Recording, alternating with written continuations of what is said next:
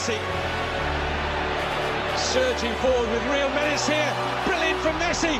Oh, what a goal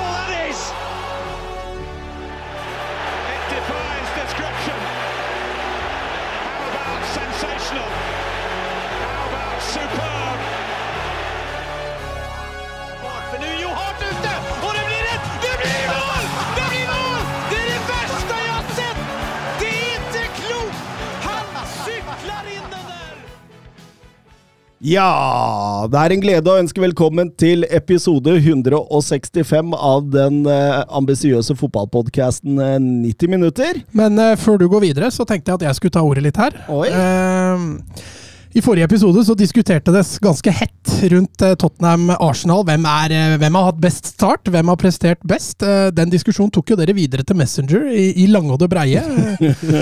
En diskusjon som sklei helt ut. Så det, det jeg har tatt meg friheten til, er å, å prøve å lage et tull og tøys-debattprogram. Eh, hvor temaene er litt tull og tøys, men hvor debatten forhåpentligvis kan bli litt seriøs, da. Eh, så dere skal prøve å være to debattanter, begge to. Og så skal vi se hvordan det går. Er dere med på det? Ja, ja, vi, vi må jo prøve. Nå prøvde vi jo den tannfe-vignetten sist, så jeg tenker det kan være en grei vignett inn mot, eh, mot denne debatten.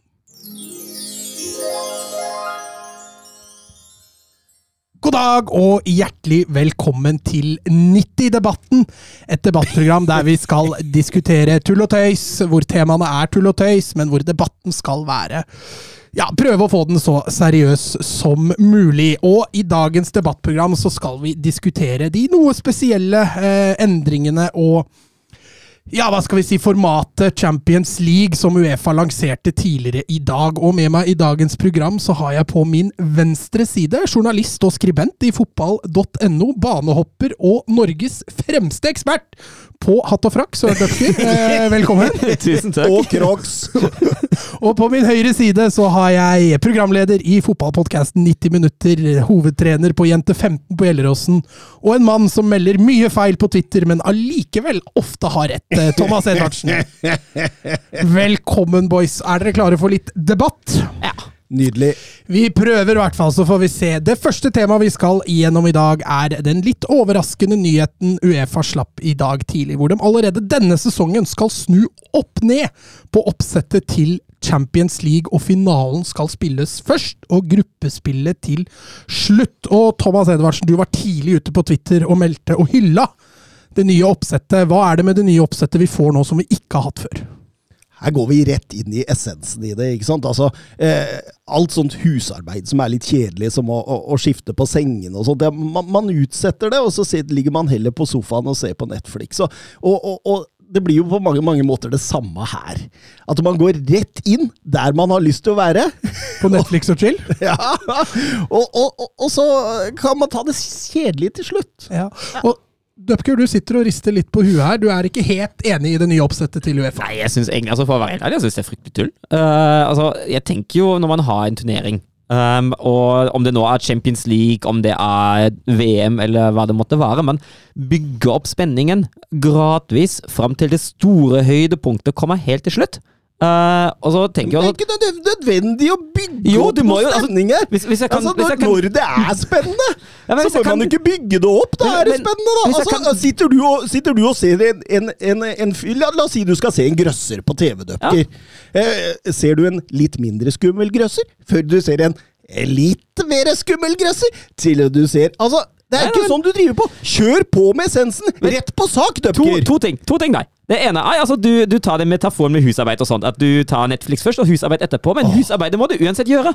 Det hjelper ikke. Det, altså, det blir jo bare Jo, jo, liggende. hvis du og bare utsetter og utsetter men, og det andre, det andre er at altså, selv om jeg velger en mindre skummel, skummel grøsser, og ikke, eller uh, for fotballtermologo, da, at jeg ikke ser Champions League-finalen med et gruppespill, jeg kan likevel synes at den kampen er kjempefett og har lyst til å se den, men den blir jo meningsløs om jeg skal se den etter finalen.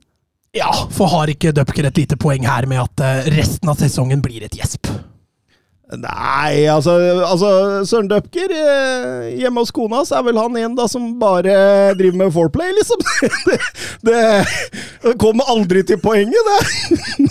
Det er klart det at eh, Det, det, det er kjipe greier, det, Søren. Men eh, sånn kan du være. Ja, ja, greit, det. Men klarer du å finne noe positivt med dette, Døpker? At du ikke kun har foreplay, eller I Crocs. eller, eller, eller, eller er dette helt, helt feil for deg? Nei, jeg synes altså, dette er jo helt feil. Også, det er jo sånn at man, man, man finner jo uh, høydepunktet i det man, man får servert. nå. Og man får jo det store høydepunktet i form av finalen til slutt. Mm. Det er jo da det skal vare òg. Altså, det, det er jo da man er vant til at det er òg. Ja, det er for så vidt helt riktig, men her gikk Jølsrud så hardt ut, så den, den tapte du rett og slett, eh, Døpker. Du må heve stemmen din mye mer når du skal diskutere mot Thomas Edvardsen, Døpker. Vi går videre til neste tema, og det blei jo litt overraskende, men kanskje ikke så mye når vinneren av den nye presidenten i Uefa vant med 147% av stemmene. Og det blei jo selvfølgelig Sepp Blatter som er den nye Uefa-presidenten. Og Døpker, du skrev en kronikk tidligere i dag der hvor du var positiv til at Blatter skulle bli den nye presidenten. eh, Og, og hva er det Blatter nå kan få til, som ikke har fått til med andre presidenter? Nei, nå tenker jeg jo at det åpner jo opp for at uh, rike land kan påvirke politikken, fotballpolitikken i Europa enda mer. Ved å gå den direkte veien. All den mellomveien med alle de byråkratene blir, blir kutta ut. Nå har man, eh, har man en fyr på toppen som er glad i penger, og da vet man at hvis man bruker penger der, så skjer det noe. Uh, og så tenker jeg også at det er jo det er jo fint for utvikling i fotball-Europa at man kanskje får en eh, Champions League-finale på Malta og en EM-finale i San Marino. og det, det, er jo, det er jo noe helt nytt, og noe nytt og spennende. Og jeg tenker jo at fotball-Europa kanskje har litt godt av det. Ja, for har ikke Dupker et poeng her, eh, Thomas, når, eh, når, når flere blir involvert med en sånn type president? Blatter er en skurk. Han er en kjeltring. Han har lomma full av korrupsjonpenger. Eh, jeg, jeg, jeg, kan ikke skjønne at en moralist som deg, Søren Døpker eh, eh, eh, eh, altså, Hvor er etikken og moralen din i dette her? Altså, her kan man kjøpe seg stemmer. Her, her er lomma til eh, Blatter fulle av penger, og du sitter her og hyller dette som om du skulle være en advokat... Ad, Ad, advokat? Nei. Eh, eh, hyller det som den du er. Ja, for vi, vi blei litt overraska her når du var så positiv til Blatter. Ja, men altså, det, jeg tenker jo altså Hvis man eh, Altså, man kan gjøre mye riktig med mye penger òg. Og jeg tenker at det er den sjansen han må få. Altså, så Ja, er men det jo han, noe, bruker, han bruker dem jo selv, Ja, men det, det, det, var, det var jo før! Det kan jo, kan jo fint forandre seg. Altså, han, har jo fått, han har fått straffen sin. Han ble jo kasta ut av Fifa og har fått sin karantene. At han ikke hadde lov å ha vær for alt det der. Men jeg tenker jo, altså, hvis han nå får lov å komme tilbake, så er det sikkert som en redelig og hyggelig fyr. Har ikke, jo, men, men er ikke Søren innpå noe her nå? Altså, Vi må gi folk en, en second chance, eh, Thomas Edvardsen. Mange, du har sikkert bare fått masse second chances opp gjennom livet. Eh, ja, det har jeg nok sikkert fått, men ikke i den alvorlighetsgraden som det eh, Blatter driver med. Altså, altså her inviterer man inn eh, tvilsomme land med tvilsomme regimer med tvilsomme penger, og, og eh, Nei, jeg syns det er mye bedre å, å ha en stabil eh, Uefa-president på topp med etikk og moral som kan gå fram og gi eh, klubber og land de rette verdiene. Det, det, altså jeg, jeg ser ikke noen diskusjon i dette engang. Jeg, altså det, Nei, men jeg tenker også, det, altså, som, som jeg sa, altså det at man løfter fram andre land Altså Hvis du ser at det har alltid vært sånn Tyskland, England, Frankrike, Spania har alltid blitt løfta fram, og så har de fått har de fått fantastiske landslag og fantastisk klubbfotball? Er det ikke på tide at man det er løfter jo fram demokratiet, Støvke. ja, men Er det ikke på tide at man løfter fram de som sitter litt på, på, på bunnen, da? Mm, er ikke det på tide, Thomas Edvardsen? Nei, fordi altså, det, demokrati er det rett, riktige Ja, her. men Eh, Korrupsjon må Blatter, ut. Blatter vant jo demokratisk. Ja, det, Du tror det, ja? Ja, altså 147 av stemmene. Da, Det er ikke naiv! det er en, ikke det naiv. en og en halv eh, gang Hvor så mye mange penger tror du disse sitter med nå, de som har stemt?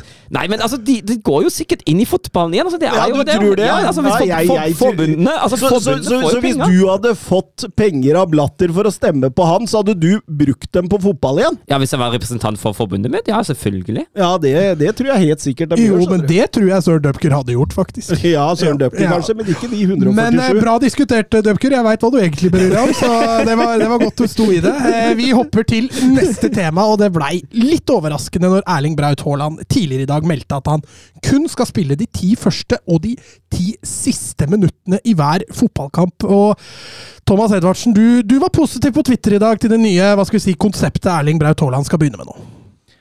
Ja, altså han eh, optimaliserer og profesjonaliserer seg hele tiden. Han er hele tiden på leit etter hvordan kan jeg gjøre det best mulig, hvordan kan jeg være best mulig. Og nå har han funnet ut, da, at ok, hvis jeg får hvile i 70 minutter av kampen, spesielt da de siste ti, da, så kan jeg komme ut der, uthvilt, eh, gønne på og skåre en tre-fire mål i løpet av kort, kort tid. Men jeg tenker jo, hvis jeg har lov å bryte inn der Ja da, kjør på du. Eh, at, altså For det første er to ting her. Det går jo på bekostning av de lagkameratene som han har. At han bare tenker at nei, jeg tar med 70 minutters timeout, og så må de andre fortsatt være der. Det er jo dypt, dypt, dypt Ja, men det er jo litt sånn det som skjer i dag. Ja, men Er ikke det, det Er ikke det litt sånn det han er i skårer hat trick, men han har 14 touch på ballen. Han går litt rundt og hviler. Ja, men han er jo på banen og til stede, og motstanderen må jo ta hensyn Ja, men kan til han. sitte i en stol i hjørnet, da! Nei, men Da må han ikke ta hensyn til det. Han står jo offside, eller sitte offside, da. Ja, man er Men ikke altså- en del av spillet, men, vet du. Thomas- Så han kan Thomas- sitte i en campingstol med crocs og frakk og hatt. Thomas, hvis din beste spiller på laget du trener, hadde kommet med et sånt forslag Hadde hylla det. Ja. Oi, oi, oi. Da hørte de det på Jente 15 der, altså. Men, men Dupker har jo, har jo et lite poeng her. Altså Her overlater han da 70 minutter til de andre lagkompisene sine. Som Haaland skal rett og slett hvile. Er, ikke det, er ikke det veldig Ja, men det, altså, egoistisk? så, så, eh, altså, Hvis du hadde vært en profesjonell fotballspiller på midtbanen og jobba og sleit og sånn hvis, hvis du kunne garantere en tre-fire mål til klubben din for at eh, en eh, topp. Topp profesjonell spiller skal komme inn bare og så putte tre mot slutten, hadde du ikke valgt det for å vinne Champions League og Premier League? ja, hadde du valgt det, Søren Døbler? Nei, altså jeg tenker også Det er jo ingen garantier. Det er jo ikke det. altså Plutselig er han eh, altså plutselig stående der i 20 minutter og er helt ute av spillet. For det første fordi han mangler rytmen i spillet sitt. Det er jo et Han trenger kjempepoeng. ikke rytme, han. Han er Eh, og, det, og det andre er at lagkameratene har blitt såpass slitne at ikke de kan mate ham, for han er jo avhengig av å få assistene av De Brøne og gjengen, da. Og, og, og hvis han da eksempel Thomas Edvardsen hadde skåret de fire måla på de første 20 heller blitt bytta ut, kunne det vært en bedre løsning? Ja, for all del. altså. Og, det er nettopp dette jeg hyller. At han går hele tida nye veier for å bare bli bedre og optimalisere spillet sitt. Han, han, dette her er en Ja, men det, Fotball er jo en lagidrett. Dette går jo på bekostning av alle andre. Det kan Nei, det ikke gjør jo være ikke det, sånn. for de vinner jo, de òg. Nei, det er ikke, det er ikke Altså, det, er, det er jo ikke sånn at når Erling Braut Haaland skårer hat trick, så er det bare Erling Braut Haaland som får fortjeneste av det. Det er jo Manchester City. Jo, det er jo det, men han skårer jo fordi han er en del av laget. Uh, og Ja, men nå, det er nå, jo i 20 minutter. nå, nå hever han seg over laget mitt av deg. Nei, nei, nei. nei. Jo, han gjør jo det. Her kommer vi ingen vei, dessverre. Vi blir ikke enige, men vi, vi tar en siste debattrunde her nå på det som egentlig var litt grobunnen til dette tull og fjas-programmet. eh, Og det var Arsenal kontra Tottenham. Hvem har best form? Og Thomas, du var tidlig ute og meldte at Arsenal har jo vært klart bedre enn Tottenham i sesonginnledningen. Tenk å komme i serieåpningen borte på Sellers Park mot et, et toppmotivert motivert Crystal Palace. Eh, ekstreme i bakrom. Eh, eh, et, en, en publikumsmasse som bare heier deg fram. Du føler deg så liten der, og så, og så kommer du derfra med tre poeng. Eh, før du liksom på en måte karnøfler både Bournemouth og, og, og, og, Leicester. Og du, du klarer til og med å dra i land en seier mot Fulham der. Det Altså, Fulham eh, ga trøbbel til Nei, du skal ikke kimse av Fulham, eh, men Dupker, du sitter og rister litt på huet, for du, du var litt uenig i forhold til at Tottenham blei karnøfla, rett og slett, for å ta Thomas sitt ord, på, på Stamford Bridge, og mener at Tottenham har egentlig hatt den beste innledningen på sesongen. Ja, jeg syns jo Tottenhams form har vært bra. Så hvis du ser på motstanderne Tottenham har hatt, har jo de hatt et klart tøffere program eh, enn Arsenal. Så publikumsmasse på Sellers Park, ja. Eh, Sportsklubben 9-0 på hjemmebane, eh, Southampton. Det, det, det, er, det er vanskelig, Dupker. Er ikke det litt, eh, Burde ikke det være 9-0, egentlig? Ja, jo, men altså, altså Det spiller jo ingen rolle så lenge man, eh, så lenge man vinner kampene sine, da, tenker Ja, jeg. for, for er, ikke det, altså er ikke det et styrketegn, Thomas Edvardsen, når, du- når du spiller borte mot et topplag og redder i land 2-2, selv om du kanskje ikke har din beste dag på jobben? Eh, nei, fordi du burde ta seier og ha din beste dag på jobben. Altså, Hver det er dag, liksom. Ja, det er totalt mislykka hvis du kommer på Stamford Bridge og altså, eh, Snakker vi ikke om et kontelag her som er ute etter å vinne ting?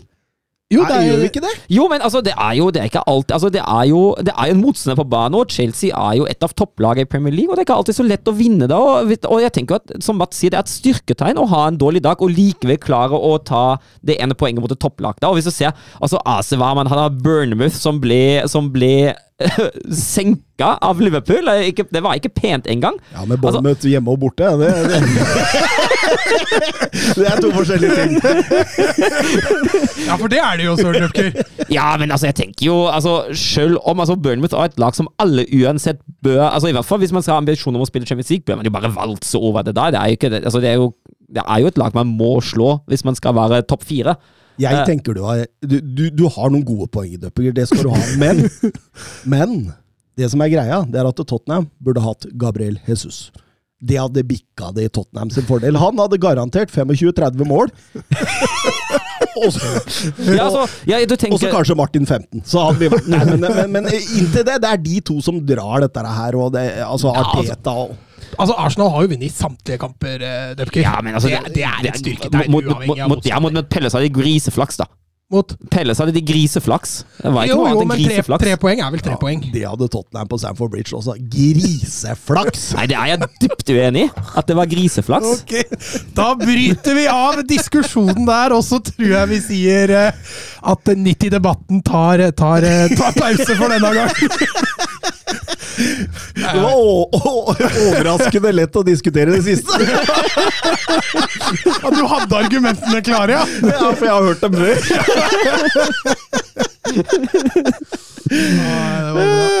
Men vi er vel her for noe annet enn å diskutere tull og fjas. Vi kan forresten, apropos tull og fjas, eh, Anders Hansen hadde et Twitter-spørsmål der. Heins eller Idun ketsjup? Idun. Heinz. Du er en syk, syk mann. Heinz. Du får Ja, men- ikke, altså, I Heinz så må du helle ut alt eller ingenting òg. Men vei- vet du hva som er min, uh, min favorittketchup, egentlig? Eh, Volkswagen sin uh, krydderketchup. Selvfølgelig. Men du er inhabil på det spørsmålet. Det er, der, ja, det, det, det, er, det er curry inni der. Sånn curryketchup. Åh, den er nydelig.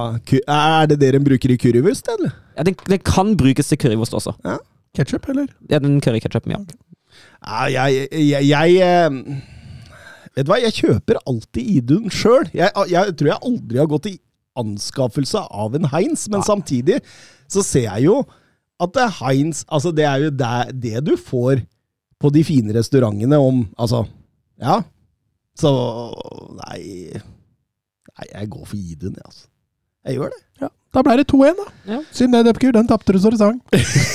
Men, men, men nå nå er det nok tull, for nå må vi til, over på det vi egentlig skal snakke om. Vi skal snakke om eh, status Europa. Vi skal snakke om litt overganger som har skjedd nå. Det var jo deadline day i går kveld. Og vi skal snakke om litt Champions League. Kjør.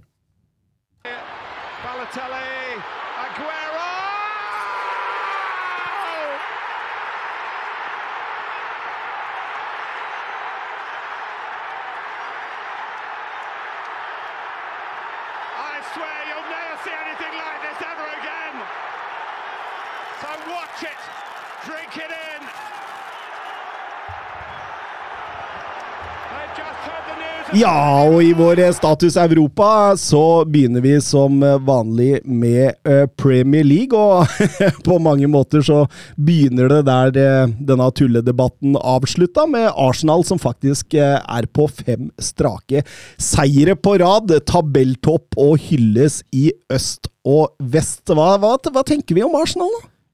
Nei, det ser jo, ser jo lyst ut. De fikk jo kjeft nå for å juble for mye etter forrige kamp. og det, det sier vel litt uh, om, om hvordan det er i Arsenal i øyeblikket. Nå skal det sies at de har hangla litt grann sånn rent resultatmessig, men jeg syns prestasjonene er solide. De har litt, fortsatt litt å gå på. Nei, jeg syns det ser lyst ut, og vårt tabelltips med dem på fjerde, det, det står seg veldig bra. Mm, mm. Dupker, eh, hva tenker du? Ja, jeg er egentlig helt enig. Også, ja, de har jo hatt litt svak motstand, for all del. Eh, men som Mats sier, prestasjoner syns jeg, hvis vi tar vekk den første kampen mot Pelles, uh, syns jeg egentlig har vært, uh, har vært veldig veldig brukbare og stort sett ganske gode. Mm. Um, ja, for all del. Jeg, jeg er jo enig i mye av det dere sier der, men, uh, men, men jeg Jeg har litt lyst til å vente til, eh, til rekka etter Manchester United, Everton, Brentford, Tottenham og Liverpool, som er de fem neste. Når den på en måte er over, og står man i dag med 25 poeng pluss, eller noe sånt, så, så skal jeg være med på dette hyllekoret. Men, men foreløpig altså, De har møtt et formsvakt Leicester, et formsvakt Aston Villa, begge hjemme. De har hatt nyopprykka Bournemouth og nyopprykka Fulham, pluss da denne kampen i serieåpninga mot Crystal Palace. og det det er, det er, jo en såpass grei åpning, da, og, og, og jeg, jeg syns jo tendensene også er litt der at det, eh, de, de, de, har jo ikke glidd de siste par kampene. Nei, de har ikke glidd, men uh, altså, det, altså, det poenget fra, fra tulledebatten, det står seg jo at, uh, at hvis du altså, Som du sier, da, uh, for å underbygge det du sa, at hvis man skal spille Champions League, så er jo dette egentlig kamper man bør vinne. Som et potensielt topp fire-lag. da.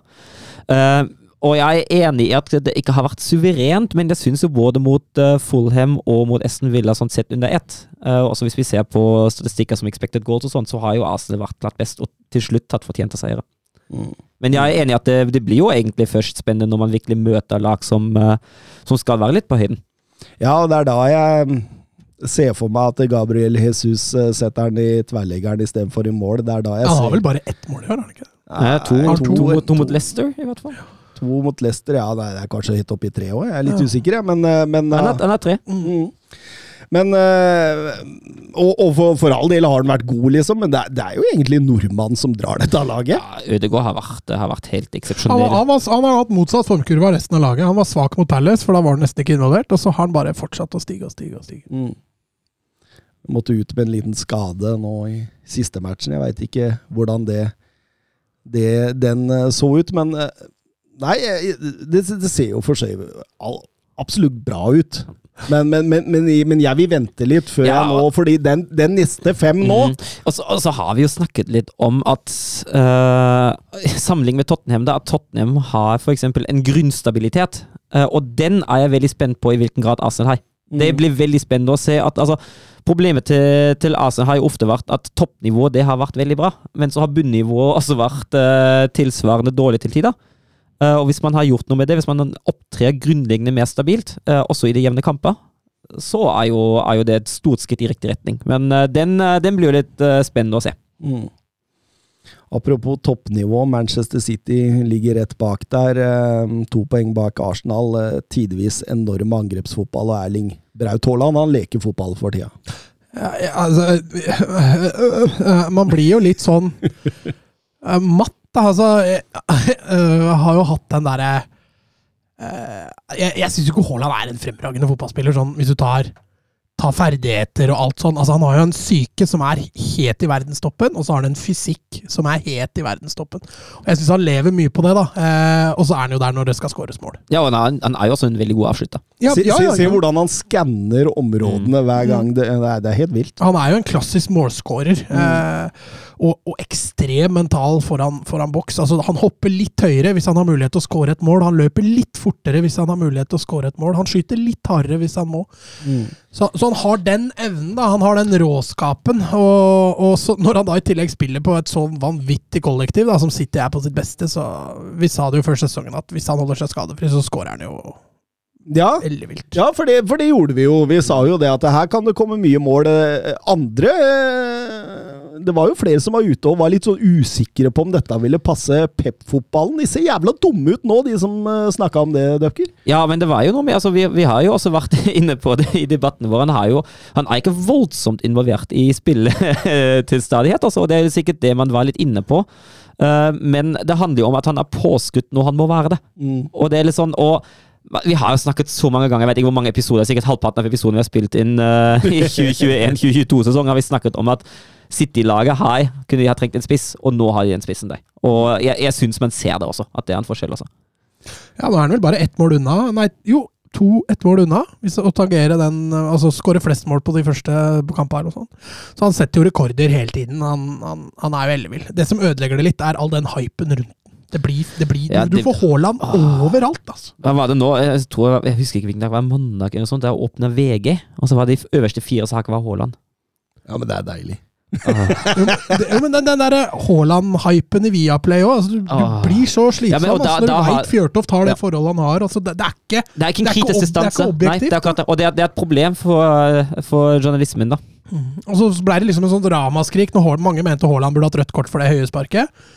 Og så Viaplay nevnte jo ikke det i det hele tatt, og nevnte det. Og så plutselig merka du da etterpå at jo, da la de ut en video da for å rettferdiggjøre det, liksom. Mm. Mm. Så Nei, det, det, det, Ja. jeg syns det er en liten skyggeside at Viaplay er biased, rett og slett. må, må forvente objektiv journalistikk, det er jeg helt enig i, men samtidig så jeg, jeg, jeg har god forståelse for at det tar litt av, jeg, da. Eh, altså, det er ingen i Premier League-historien som har åpna bedre noensinne. Det er to hat trick på rad. Så dere den lista av spillere som har klart det tidligere? Det var jo bare Kaner og, og, og Arier og, og Agueroer. Så uh, har vi fått oss uh, Har vi fått oss groupies i det? Kommer mobiltelefoner inn i studio her. Em, så, men, men skal vi sette fingeren på noe, da? Så syns jeg det er det defensive City. Det har ikke sett veldig bra ut. Nei, men Det reagerte Guardiola på. At det, det, det har han ikke vært fornøyd med. At der har de litt å jobbe med. Og Sali Newcastle. Der var det, der var det sjokkerende. Maxim Ja. ja. Ja. Men, men, men likevel, altså. Det, det, det er et eller annet der. Altså, nå skal de hente Eller nå har de henta Akanji. Det, Ja, det, det, det, hva var, hva var, hva var problemet da, når, de, når det er løsningen? det kan du jammen lure på. for, for, for lite rot i forsvaret, jeg veit ikke. Men eh, altså, det er jo, det er jo ikke altså, Jeg mener jo det er en spiller som med rette ikke kommer, kommer seg i startelveren i Dortmund, fordi de stopperne som er i Dortmund, er bedre enn ham. Ja, Han kommer ikke i elveren her heller. Dette Nei, er nei, nei, nei, det er bred- bred- bredde. ren bredde. Men, jeg skjønner, altså, men da skjønner jeg ikke at man ikke klarte å finne en, en som er litt bedre enn Akanji, altså. I hvert fall når man er Manchester City. Det er et eller annet der, syns jeg, med det, den offensive markeringa som ikke helt sitter. Det, er, det blir lett å spille av og kjøre kontringer på. Ja, altså blir det litt store avstander også. Når du går av en City-spiller, så er det langt til neste. Så de, de har litt å jobbe med defensivt. Um, Didrik Tofte Nilsen, hvor i lende stiller gutta seg i diskusjonen om Haaland allerede er tidenes norske fotballspiller? Jeg er ikke i tvil om at vi sitter om ti år, eller når han har avsluttet karrieren sin, og sier at han er tidenes beste norske fotballspiller. Men jeg mener at man må se karrieren som helhet, eh, og jeg syns det er for tidlig å kåre det allerede Men, men, men la nå. oss si han hadde fått seg en skade nå, Det akkurat, da. det. Var Det akkurat ute. det, er akkurat det. Hvis han har fått, seg- hvis, tenk hvis han, eh, hvis, han, eh, hvis han ryker korsbåndet, og det leger seg aldri igjen, så aner han ikke det. Nei, du mener at han ikke er det Nei, da? mener, eh, Hans prestasjoner akkurat nå, med 22 år, altså, hva har han å vise til? Fem kamper i Premier League og ti mål? Eller Ja, ja, altså 100 mål i Bundesliga. Ja, men, og og det, er jo, det er jo greit Hadde ikke Jørn Andersen det òg? Jo, over eh, 15 år. Men da, nå har vel han aldri vært tidenes Jo, men jeg, norske fotballspiller. men, men jeg, jeg mener at uh, altså, hvis man ser på altså, Det er ikke imponerende med titler heller. Uh, så som sagt, jeg er ikke i tvil om at han, uh, at han er der når karrieren er ferdig. Men jeg mener at han ikke er der akkurat nå. Altså, jeg syns den diskusjonen er så Det er så håpløs, da. Fordi, fordi For meg å diskutere, da Jeg ser jo Tom Lund og sånn som har blitt rangert der. Altså, jeg, jeg husker jo ikke Tom Lund. Nei, nei. Så for meg å sammenligne de to er klink umulig. Mm. Eh, I tillegg så var det to forskjellige årtier. Altså, altså norsk fotball da, var mye nærmere verdenstoppen på 70-80-tallet enn det den er nå. Ja, ja. Så for Tom Lund å herje i Eliteserien var kanskje litt større enn det det hadde vært å herje i Eliteserien nå. Mm. Og så har du den diskusjonen. altså Hvis du tar de siste 20 åra, ja, jeg syns Haaland har vært tidenes norske. Jeg ser ingen som har vært bedre enn Haaland. Eh, men tar du før det, så husker jo ikke jeg så jækla mye. Mm. Ja ja, ta siste 30, da. Da Ja, husker jeg en del. Men uh, jeg syns den debatten er Den synes jeg er litt håpløs og uh, vanskelig. Og uh, vanskelig å si noe bestemt. At det, jeg tror ikke det, tror ikke det går an. Mm. Mm. Nei, jeg er for så vidt enig i det. Det er litt sånn Kniksen jeg har hørt om han, men, hva, men jeg har jo ikke sett den sjøl. Og, og Tom Lund eh, sett noe klipp og ser jo at han var en strålende fotballspiller, men Nei, så det, det, det blir vanskelig. eh, Det gjør det. Um, vi kan gå videre til Tottenham, som har inntatt tredjeplassen og er da det siste laget i Premier League som er ubeseira på de første fem. Eh, Ikke noe fyrverkeri enda, men det ser jo solid ut. Ja, Griseflaks mot Chelsea. Uh, nei, det ser, det ser jo solide ut. De imponerte ikke spesielt mot Westham heller. Uh, kom fra det med, med et poeng. Eh, og, og det blei jo også litt kjøpestopp der etter hvert, også for Tottenham. Men, men de, de er veldig godt skodd nå. så nå, nå handler det om å få ting til å sitte, få relasjonen i gang. eh, og det er jo først og fremst offensivt det skorter litt. Man må få, få Son og Kane og, og Kolosevskij i gang sammen igjen, og, og gjerne da få litt mer tellende resultat. For det er mye nesten både med Kane og Son og Kulusevski. Så Jeg tror det er noen små justeringer som må til, og så, og så kommer seirene på rekke og rad også for, for Spurs. Mm. Mm. Jeg er enig, altså det er først og fremst spill mot etablert. Da det ikke sitter helt. Eh, Mm. og det er jo ikke så overraskende at det, det er jo det siste som Nei, sitter og- som Magnus Conte, da. Du ser nå Forrest, da, de bare gønner på, liksom. Og du, etter fem minutter så veit du at dette vinner Tottenham. Mm. Eh, Ja, jeg, jeg er helt enig, og, og Søren er litt inn på det der. Jeg- Husker dere eh, Manchester United da, da Bruno Fernandes kom til klubben? Du, du, du må liksom finne den tieren som virkelig kan sette i gang og åpne opp, eller så må du liksom over tid innarbeide dette systemet, da. Og, og det, altså, er det noe som Altså, det vanskeligste i fotball i dag, det er jo spill mot etablert, godt organiserte forsvar. Det er jo det er, det er jo nærmest en kunst. En kunstform, og det, det, det er svært få klubber som klarer det. Men kan jeg, kan jeg spørre deg, vi snakket jo veldig mye om den eh, ene kreative sentrale midtbanespilleren som da aldri kom. Er du litt skuffa? Syns du det setter litt sånn, litt sånn, litt sånn bismak på det egentlig gode overgangsvinduet til Tottenham? Lite grann. Jeg syns det, altså jeg syns den tieren burde ha kommet. Eh, det tror jeg Conte syns òg, i forhold til eh, hva man har hørt av intervjuer. For han var litt, som, litt sånn Ja ja, det er jo klubben som bestemmer, og vi får gjøre det vi, vi, vi kan gjøre med det. Men jeg blei jo veldig fornøyd når det kom disse disse James Madison-ryktene og sånn, for da skjønte jeg at det her er, det- her er det et eller annet, da. Mm. I ettertid så kan man kanskje spørre seg hvorfor man ikke ga Manchester United større kamp om Christian Eriksen, når han likevel var gratis. Eh, Det er litt sånne ting som står igjen, men, men samtidig da så føler du ok, eh, dette er et lag Conte kan ta veldig langt, og kommer et januarvindu, kanskje man jobber seg inn mot det. Og overgangsvinduet har jo vært strålende til Tottenham. Mm. Det har jo vært et uh, virkelig godt vindu. Absolutt, absolutt. Så uh, vente litt på Son ennå, da. Han ser ikke Det er ikke Nei, helt han, hundre er der, altså. ikke, han er ikke i gang ennå. Uh, Kane har begynt nå å røre på seg. Uh, Kulusevski har vel kanskje vært den beste offensive spilleren til Tottenham i år, så får de i gang Son. Når de får den tredje trusselen der, så, så blir det litt annerledes også. Da, da vil du få enda en streng å spille på. Det, det vil hjelpe veldig mot lag som Westham og sånn. Altså. Mm. Mm. Syns jeg også Rikarlison ser veldig bra ut. Ja, men han kommer ikke til å få spille så mye. Eh, Petter Støvland på Twitter. Er det clear and obvious, den hensen mellom Westham og Spurs, når VAR ikke klarer å finne ut av det på 4 minutter og 47 repriser fra forskjellige vinkler? Fortsatt den dag i dag er folk uenige rundt det. Er ikke det disse situasjonene VAR ikke skulle bryte inn? Jo, det er akkurat det, det er som han sier. Det er egentlig ikke noe å legge til der. Uh, og det har vi jo sett før den sesongen òg, at uh, VAR går inn og finner Og ikke finner en, den riktige avgjørelsen, men en avgjørelse som kanskje er bitte litt riktigere i sånne 60-40-situasjoner. Mm. Og det syns jeg er feil. Det er ikke da man skal bruke VAR. Man skal bruke VAR på clear and obvious. Jeg syns man fint kunne latt det stå. Det har vært forsvarlig å blåse straffe deg. Mm. Jeg er litt enig i der, altså. Mm. Ehm, videre, Liverpool um, De ligger vel uh, på sjetteplass. Um, det var jo 9-0 mot Bournemouth der. Ja. Det var jo strålende. Da, da, da følte du på en måte Liverpool var tilbake til det Liverpool man kjenner igjen. Men, men så langt unna Fulham og Palace og, og, og Manchester United igjen. og og selv om de er best mot et lavtliggende Newcastle på mange måter, så, så, så Det ser ikke ut som det er det samme trøkket, altså! Nei, det, det er et eller annet som mangler da, altså. Ja, de har ikke truffet så langt på det jeg vil kalle for eh, aggressivitet og offensivt eh, nivå, som de har hatt, hatt tidligere. Eh, det er litt avventende. Det er mange kamper hvor de er avventende, og når de får den starten de gjør også mot Newcastle, så, så virker de litt sånn sjokka. De kommer liksom ikke, Du kjenner dem ikke igjen, da, for det har gått 70 minutter. Hvor hun begynner å trykke på, og jeg sa det vel sist også, at vi skader og sånn må ta litt av, litt av skylda, men at de skal være så langt unna, det, det, det er litt overraskende. Mm.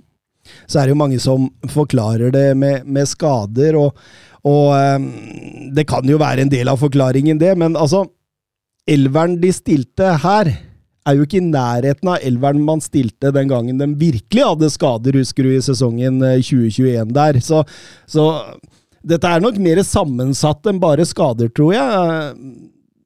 Vi var jo litt inne på det i forrige episode også, at eh, dette er jo et lag som tok seg langt i Carling Cup med junior B-lag, og et lag som slakta AC Milan borte i Champions League med reint B-lag, liksom.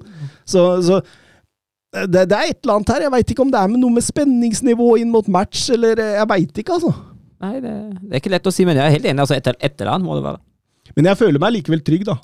På at det kommer til å, å løsne. Ja, det gjør det jo. Herregud, selvfølgelig gjør det. Og Liverpool kommer til å havne i topp fire.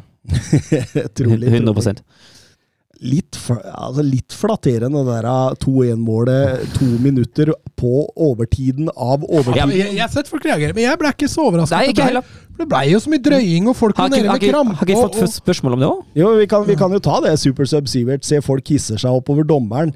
Venter av å blåse av kampen. Eh, men å spille 97 minutter eh, er vel minimum av den krampebonanzaen til Newcastle. Effektiv spilletid hadde hindra Newcastle-spillerne i å filme, og debatten om at dommeren skal blåse. Tanker om at dommere ignorerer visse regler, tenker at uh, ikke på gult kort når ballen sparkes vekk, eller at keeperen holder den over seks minutter, blir ofte 15 sekund, eh, 6 sekunder, ofte 15 minutter, hadde hindra mye unødvendige pauser i spillet. De har jo effektiv spilletid i collegefotball i USA. Eh, jeg tenker også at det hadde vært artig å teste ut. Jeg, jeg, er livredd for det. Nei, jeg, jeg, har vært Jeg har jo sagt før at jeg har vært positiv til det. Mm. Jeg syns jeg hadde likt det to ganger. Man spiller jo hvor lenge var en fotballkamp effektiv nå? 55 eller noe sånt? Så tar man eh, to ganger 30 minutter per omgang og tar effektiv spilletid, og så har man at det er greit. Så får det vare. Så får man, så får man bort alt det der. Ja, altså, jeg, jeg, er livredd for det der greiene der, at det kan ødelegge fotballen. Ja. Altså Jeg er litt usikker, ja, fordi altså, mye kynisme vil forsvinne. Og mm. noe av den kynismen er jo en del av sjarmen. Ja. Og den vil jo bli borte. Det er jo en del av fotballen. Men du blir, du blir det, det, det, er jo dommere her. Jeg, jeg mener at det er dommere som har en jobb. Ja. Og, og, og, og, det er å, når man begynner sånn, at man heller vifter med de gule korta litt raskere. At man uh, legger til vesentlig når det behøves. Men, men, men, hvor lett er det å gi gult kort til en som ligger nede med krampe? Eh, nei, men du ser jo hvis han ligger med, hjemmekrampe krampe to-tre ganger, da. Ja, du veit jo sjøl når krampa kommer at han sitter som regel tett oppunder uh... Ja, det er det jeg mener. at da, da, må de jo bytte, da. Hvis de ikke får bytte, så får de gult kort. Nei, det, det går ikke. Det, det går, nei, altså, du kan ikke gi gult kort for en spiller For den er skada eller har krampe. Det, går jo ikke. Det er jo ikke skade, det er en krampe. Ja, Hvis du, du kan, kjenner en krampe, ja, så får jo spilleren gå men, ut, da. Men krampe gjør jo vondt. Det er jo sånn, ja, Du kan bare gi gult kort for det. Jo, jo, og det, det kan skje én gang. Jeg har, fått, jeg har men, spilt kamper da... sjøl der jeg har fått kampen tre-fire ganger, altså. Er ikke du keeper, da? Nei, da var, var, var, var, jeg ute spiller. Det, det er lenge, lenge siden. men du skjønner det laget han spiller på? Det, de har mye å gjøre, mål. de er stort sett under press. Nei, da, jeg, da, spilte jeg kant eller bekk, eller hva det var. Men ja. Nei, men altså, ja, ja, er enig, altså da, da, må, da, må, det være noen klare retningslinjer på hva som Fordi man finner jo alltid nye ting å drøye på. Men et gult kort er jo ikke farlig. Nei, men to gul, Hvis du først har fått krampa, og så får du ett gult kort for ja, drøying da, da, da, da, må du bytte, bytte deg ut, da.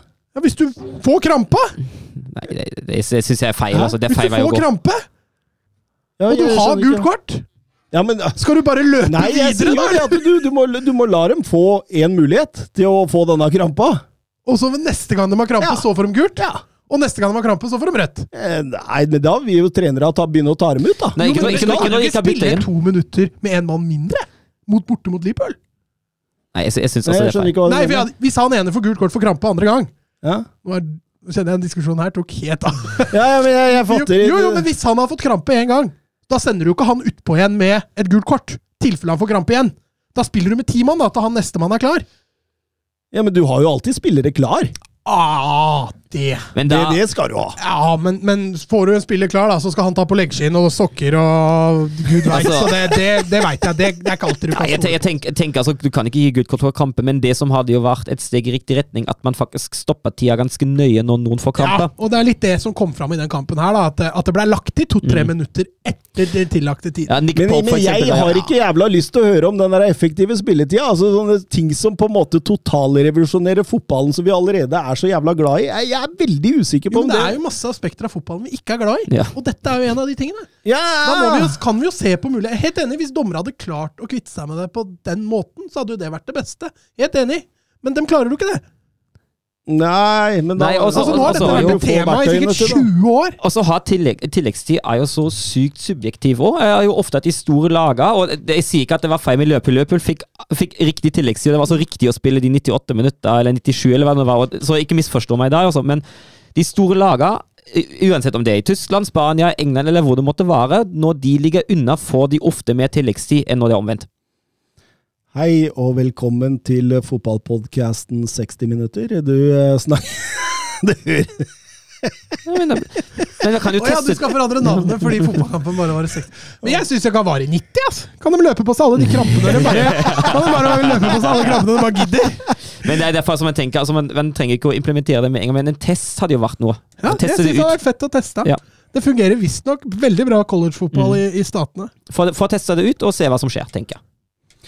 Arthur til Liverpool. Eh, Herregud, nå fått, er de desperate, ass. fått et spørsmål fra Oskar Carveio Holm. Eh, Kjenner lite til han. Eh, Hva får Liverpool her? Eh, Øker han kvalitet eller kvantitet i laget? Han øker eh, desperasjonen, i hvert fall. Den økte.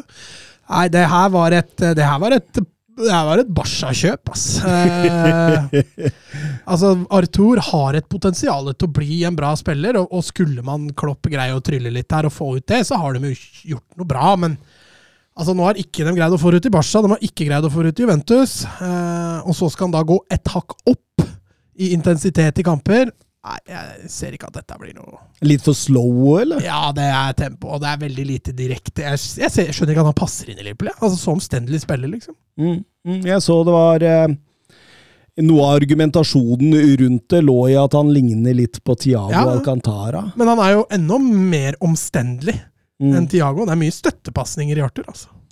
Ja, nei, men spennende. Eh, Et lag som tok seg forbi Liverpool med seier i går, det er Manchester United. Og, og Erik Ten Hag har jo i hvert fall fått satt Ja, men det, det, det kommer vi tilbake til, Mats. Men uh, fått satt, uh, om ikke et stempel, så i hvert fall noen fingeravtrykk på dette laget nå. Det begynner jo å se strukturelt mye bedre ut. Ja, det gjør det, og det Altså det, det kunne jo nesten ikke se verre ut enn i starten heller, for å si det sånn. da, Men jeg er enig, man begynner å se og håndskriften hans, og i hvert fall litt, så ja, Den skal kanskje ikke dømme en, eh, en trener Men samtidig, da, det er jo sliteseiere er jo både det mot. Southampton og Leicester de, der. de er jo på ingen måte der de vil være sjøl, eller Ten Hag vil ha dem heller, tenker jeg. Men, altså, men hvis, man, hvis man sammenligner det nå uh, mot de kampene man hadde i starten av sesongen, det er jo, det er jo framskritt å spore.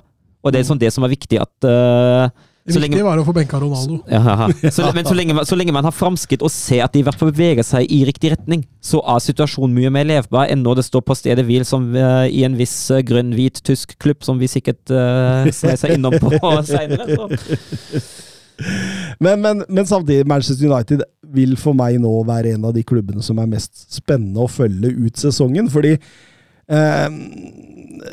man føler at eh, det, det kan både bli bra og dårlig, dette her. Altså, ah, det kan bikke alle veier. Jeg er veldig usikker enda på Selv etter tre strake seire nå, så er jeg veldig usikker på det. Hva er det Altså, hvor, hvor Altså, er enden her? Liverpool var solid, men det etterpå det, det, Jeg føler ikke det kvitterte ut United, på en måte. Nei, jeg gjorde ikke det. Enig. Så, så det blir veldig spennende å se. Men det som er positivt, det er jo det at det er enkeltspillere nå som ser mye bedre ut kontra i fjor. Mm. Og, og, og det er jo et sånn kvalitetstegn, i hvert fall rundt manager. Og, og, som jeg skrev på Twitter også, at uh, plutselig så begynner de i hvert fall å hente spillere der de trenger det. Det er jo også et, et, et pluss. Um, vi kan jo ta noen spørsmål angående Manchester United. Er Manchester United på rett vei, eller er det bare å vente på nye skuffelser, skriver OJ Haaland. Nei, altså, at det, at, det bare, at det bare går oppover nå, det er på ingen måte gitt. At utviklinga har starta, det mener jeg. Men altså, det kan fort hende at man går på en, eh, på en blemme eller to i de nærmeste kampene. Det skal man da aldri, aldri utelukke. Plutselig ender man opp med å altså, jo, Kampprogrammet nå er jo tøft, altså. Det er jo det er mye tøft som kommer nå. Ryker mot Arsenal nå neste helg. ja, sannsynligvis også. Og så er det tilbake. Og så er vi tilbake igjen. Ja. Nei, men altså, den bedringen vi har sett nå, da, det, det, det byr jo på bedre dager for, for United. Men, men han snur ikke dette. Det er ikke sånn at United nå er en, serie, er en serielederutfordrer, liksom. Vi er ikke der. Så, Vi er milevis unna det! ja, ja. Så, men, men bedring, og det er som Søren sa, det skulle ikke så veldig mye til utbasert på de første to kampene. Torjus Hansen og Anders Hansen eh, inne på litt av det samme. Eh, 100 millioner euro for Antony, markedsverdi på 35 millioner. Er noe feil her, spør han, mens Anders Hansen skriver Antony og Casemiro for 180 mill. Er det slitsomme laget fra Manchester misunnelige på Barcelonas klubbdrift om dagen, eller hva skjer? Nei, altså Anthony var jo bitte litt inne på forrige episode allerede. Det er jo en spiller som en, hadde en enorm verdi for Ajax. eh, som hadde kontrakt til 2025, som Ajax ikke var tvungen til å selge. eh, da det kom en topp eh, storklubb uh, og rik klubb fra fra, fra, fra, Premier League uh, i slutten av transfervinduet og overgangsvinduet. Og de faktorene sammen der gjorde Mm. at presen steg noe voldsomt. Selvfølgelig er ikke Antony verdt 100 millioner euro, men uh, Ikke per dags dato, i hvert fall. Nei, men, eh, men de faktorene som den kombinasjonen der, det sørget for at eh, Ajax klarte å utnytte den situasjonen optimalt. Jeg har jo sett en del av, av Anthony, jeg må innrømme det, eh, men hørte et intervju med en nederlandsk fotballekspert her, som, eh, som kunne helle litt eh, kaldt vann i årene på Manchester United-supportere. Han sa det, at eh, han så ikke Anthony bedre enn Steven Bergwijn, eksempel. Og at eh, han følte litt Nicolas Pepe-vibber over kjøpet til Manchester United. der. Ja, Det blir jo spennende å se. Altså, jeg syns ikke den, den sammenligningen med Bergveien eh, står seg helt. eh, Nei, men jeg- ikke sammenligning, Nei. men jeg tenker mer ja, sånn, ja, for, ja. Men jeg syns jo det er litt forskjellig spillertype med tanke på at eh, Anthony faktisk er en spiller som kan skape litt ubalanse. Uh, som, har, som har litt høyere X-faktor enn det Bjerkveien har. ja, jo, jo, og det er jeg helt enig i, men han er jo også veldig ineffektiv i Ja, enkelte deler av spillet. Han, han, altså Valgene han tar, det må han bli klart bedre på. Um, og det er jo det store forbedringspunktet, og det er liksom det som jeg tenker også avgjør om han kommer til å lykkes eller ikke. Hvis han klarer å filtrere de fotballferdigheter som han definitivt har, inn i noe effektivt, uh, i målpoeng, i assist, uh, så blir dette bra. Hvis han blir, uh, hvis han blir en ny Traoré eller noe sånt, da, så ja, er det fint å se på, men hjelper egentlig ingen vei. Burde ikke Ajax nå spille med Manchester United, der hvor det står hovedsponsoren? ja, kanskje det. Kanskje United det. har vel betalt mye mer enn det hovedsponsoren har hørt? Ja, sannsynligvis. Ganske mye mer òg. Men, men, men, men eh, Mats, eh, Anders Hansen er inne på det. Er de misunnelige på Barcelonas Ja, det må det være. Eh, Det kan, men altså, det, nei, på en annen måte ikke. Fordi hvis du tanker på pengebruk Ja, de har jo overbetalt to for to spillere, to, det synger etter. Men dette er to spillere de virkelig trengte. Mm. Eh, forsterker to plasser som de skreik etter for forbedring. Og, det er mye, veldig mye penger å betale for to klassespillere, men samtidig, hvis dette var det beste de kunne få til, så tenker jeg at da, da må man bare svelge den kamelen. Altså. Ja, og hvis dette gir sportslig suksess, så gir det jo etter hvert også økonomisk suksess, som gjør at eh, Men det blir jo nesten litt som Barcelona, da. Man gambler, bare ikke i så stor grad som Barcelona gjør. Ja, altså United Jeg skal ikke si de har pengene, for det har de ikke, men eh, de kan i hvert fall bruke det. Pasha har jo klarer jo ikke å registrere de spillerne de har kjøpt, så det, det kan du godt si, men eh, Nei, jeg tror nok Nei, det er vanskelig å sammenligne. Tønna på Twitter. Noen forslag til kjøp i januarvinduet for Manchester? Høyrebekk. Det skriker høyrebekk. Ja, det skriker minst like mye til en spiss. Ja. Spiss Ja. og høyrebekk Ja. er vel de Ja, og så en ved siden av Casemiro, tenker jeg. Mm. Hvis du er Ja, og kanskje en keeper. Ja, Det skriker faktisk kanskje litt etter en stopper òg. Og en venstrebekk. Jeg tror, jeg, jeg tror keeper er kanskje det siste jeg har. Altså, det jeg, jeg, jeg, Nei, jeg- ikke i form av det Ten Hag vil med å, spille ut bakfra og sånt. så- men, men, men jeg tenker jo, du, du ser jo det at jeg tror dette er en annen fase igjen Ja. av hans utviklingsplan. Eh, så, så han tenker sikkert at jeg beholder DGA i hvert fall ut denne sesongen, ja, og, så, og så kanskje jobbe mot det. For man har jo tross alt en, eh, en meget god skuddstopper. Mm. Og det tenker jeg, med tanke på hvor mange byggeplasser det er, å åpne den byggeplassen, den, den tar man til slutt, altså. Men, men jeg var inne, jeg måtte jo inne og skanne litt når jeg så, for jeg også var inne på det her at eh, en høyrebekk, en sentral midt og en nummer ni bør de i hvert fall ha. og Han spør jo spesifikt etter navn her, og da Jeg ser jo eh, Høyrebekkposisjonen er jo vanskelig, for de aller beste høyrebekkene er veldig committa til klubben sin. Altså Reece James, Trent Alexander Arnold, eh, Hakimi, Cancelo osv. Altså, eh, det er vanskelig å forsterke den høyrebekken, men eh, en Joakim Mæle i Atalanta kunne vært en eh, løsning der. Kunne fått Hector Beirin gratis òg. ja. Jeg veit ikke om han vil det, men Ehm, Sentral midt, der har jeg foreslått Altså, jeg syns jo den bør sikte Declan Rice der, da. Ja, eller Milenkovic Savic. Ja, I hvert fall nå når du har Casemiro, da, så kan du ha en, mm. en litt mer indreløpertype. ja det går an, det. Det går an, det. Helt enig. Eller, eller Frenkie de Jong. Nummer ni, har vi noen forslag? Eh, Oshimen? Oshimen hadde gått. Patrick Schick hadde jo Nå har han jo begynt å bomme som, som pokker i Bundesliga, men eh, eh, så, altså, Det hadde jo vært en mulighet, det òg. Litt sånn framtidskjøp i Gonzalo Rames kanskje på, på, på Benfica. Ja, han blei værende til slutt. Mm.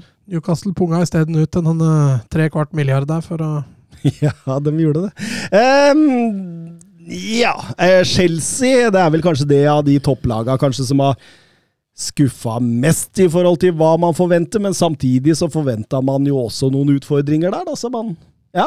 ja, altså, det, altså, når de henta Aubameyang på slutten her, da ødela dem jo alt. Eh, Eh, Steffen Hansen spør er han eh, angriperen som kan skyte Chelsea til topps. Nei. Eh, Nå har han vel brukket kjeve nå, i forbindelse med at han ble rana hjemme i Barcelona. Så han er jo ute noen uker, da, så han er jo ikke i gang Ja, med altså, eller? altså, altså syns jeg jo altså Jeg har tenkt litt på det der. Altså, jeg syns jo egentlig Chelsea har vært best tjent med å ha en spiss som kan holde litt på ballen og er god feilvendt. Og det er jo ikke, det er jo ikke Pierre-Emerick Aubameyang. Nei. Så jeg syns egentlig ikke han er riktig spilletype som Chelsea trenger på topp heller. Nei, absolutt ikke. Jeg, jeg, jeg tror han er tiltenkt en sånn superinnbytterrolle. Altså at det er Kai Havertz de ønsker å satse på, og så får Ab Aubameyang komme inn. Ja, det kan godt hende. Det er- det litt altså, Det var vanskelig skuffende med kjøp. Ja, altså, vanskelig å Fryktelig skuffende. tolke Chelsea nå. Ja. Zakaria, hva Ja, faen altså, er det de driver med der? Ja, Han har jo ikke vært god siden eh, 1920-sesongen i Ja, altså, Borussia Ja, Mönchengladbach. si- siden han fikk eh, Han har vært Han har dala skikkelig siden han fikk den ene store skaden som satte den ut av spill skikkelig lenge. Han gikk jo fra en av de heteste salgsobjektene i Bundesliga til middelmådighet, hvis jeg har lov å si det. 80 millioner på Fofana. Det var en spiller de trengte, da, for så vidt. Det var litt sånn Casemiro-kjøp for United, men eh, ja, nei, altså Den filosofien i innkjøpene de har drevet med nå, altså, de, de, de, har- de har gjort seg dårligere de, i løpet av overgangsvinduet. De har blitt dårligere. Absolutt, og jeg syns også altså, Det ser ut som Tuchel altså, Han strever litt. altså Tre bak, fire bak. Eh, tvunget til å variere voldsomt. Eh, mulig pga. omstendighetene, men, det, men det, det, det er aldri så bra at man varierer så mye som det han gjør da i en sesongåpning. Nei, altså, altså er jo litt spennende. Altså, det er jo ca. nå den tida da spillerne begynte å bli lei ham, de forrige klubbene. Eh, sånn ca. nå neste halve året fra nå av, og jeg er litt spent på hva som skjer der. Ja, Om, eh, og hvis de sportlige resultatene Ja, det- det er fortsetter å det- det- variere, da, så Da er det mye lettere å bli lei ham òg. Så eh, jeg litt nysgjerrig på det, om han har forandra seg litt da i leken. Mm, mm. Nei, det er spennende å se, og, og, og det som er nesten litt sånn Altså, vi Vi alle veit jo de defensive problemene man har hatt i og med at man har måttet gitt fra seg Christensen, Rudiger, eh, at Alonso var på vei ut, osv., osv., osv. Men, men det er jo litt Altså, det er, det er jo det offensive jeg syns Chelsea har slitt i to tyngst i åpningen her. mm.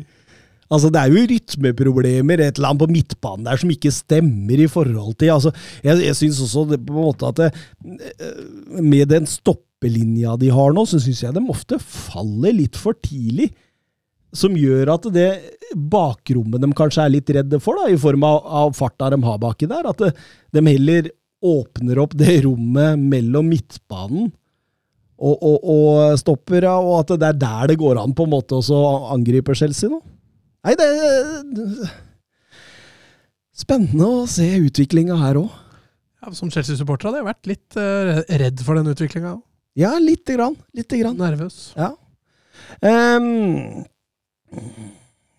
Alexander Isak, ja, Felix Jansen har et spørsmål her. Eh, Massiv signering. Første skikkelig tegn for en ny tid i Newcastle der penger er papir, papir er lagd av trær, og trær fins det nok av.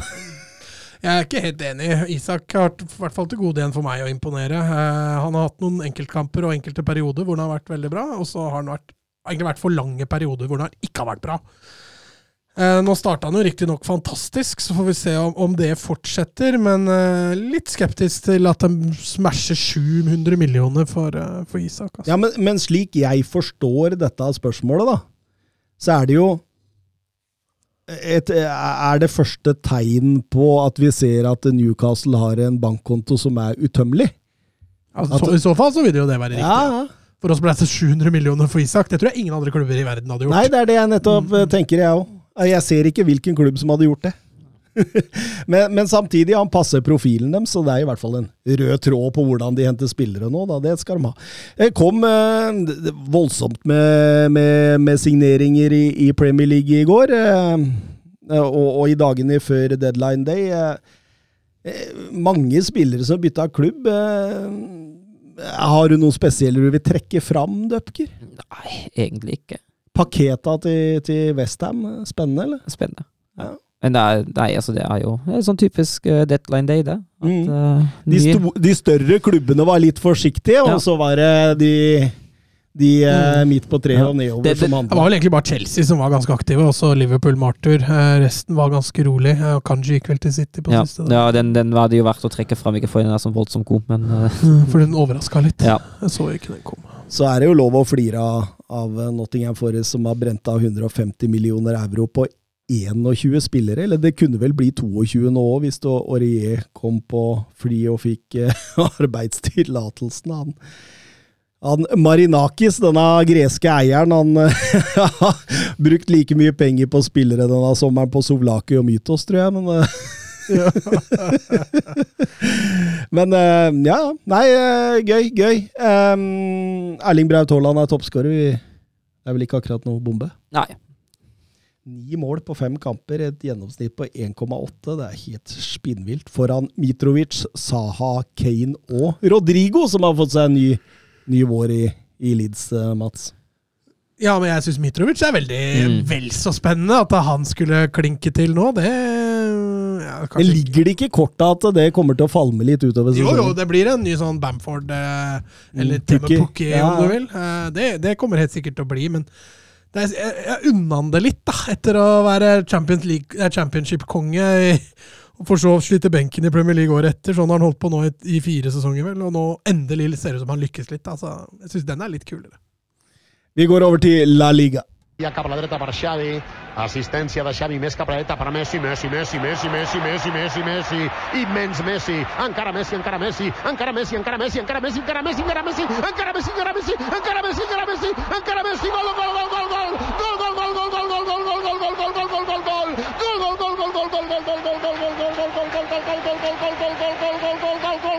To lag med full pott der etter de tre første serierundene, Betis og Real Madrid. Det er Real Madrid som har lagt seg på topp med bedre målforskjell, og ja, spillemessig har det vel ikke vært voldsomt imponerende, men eh, det, det er jo dette som fortsetter fra sist sesong, Ja. at man Soliditet. Ja.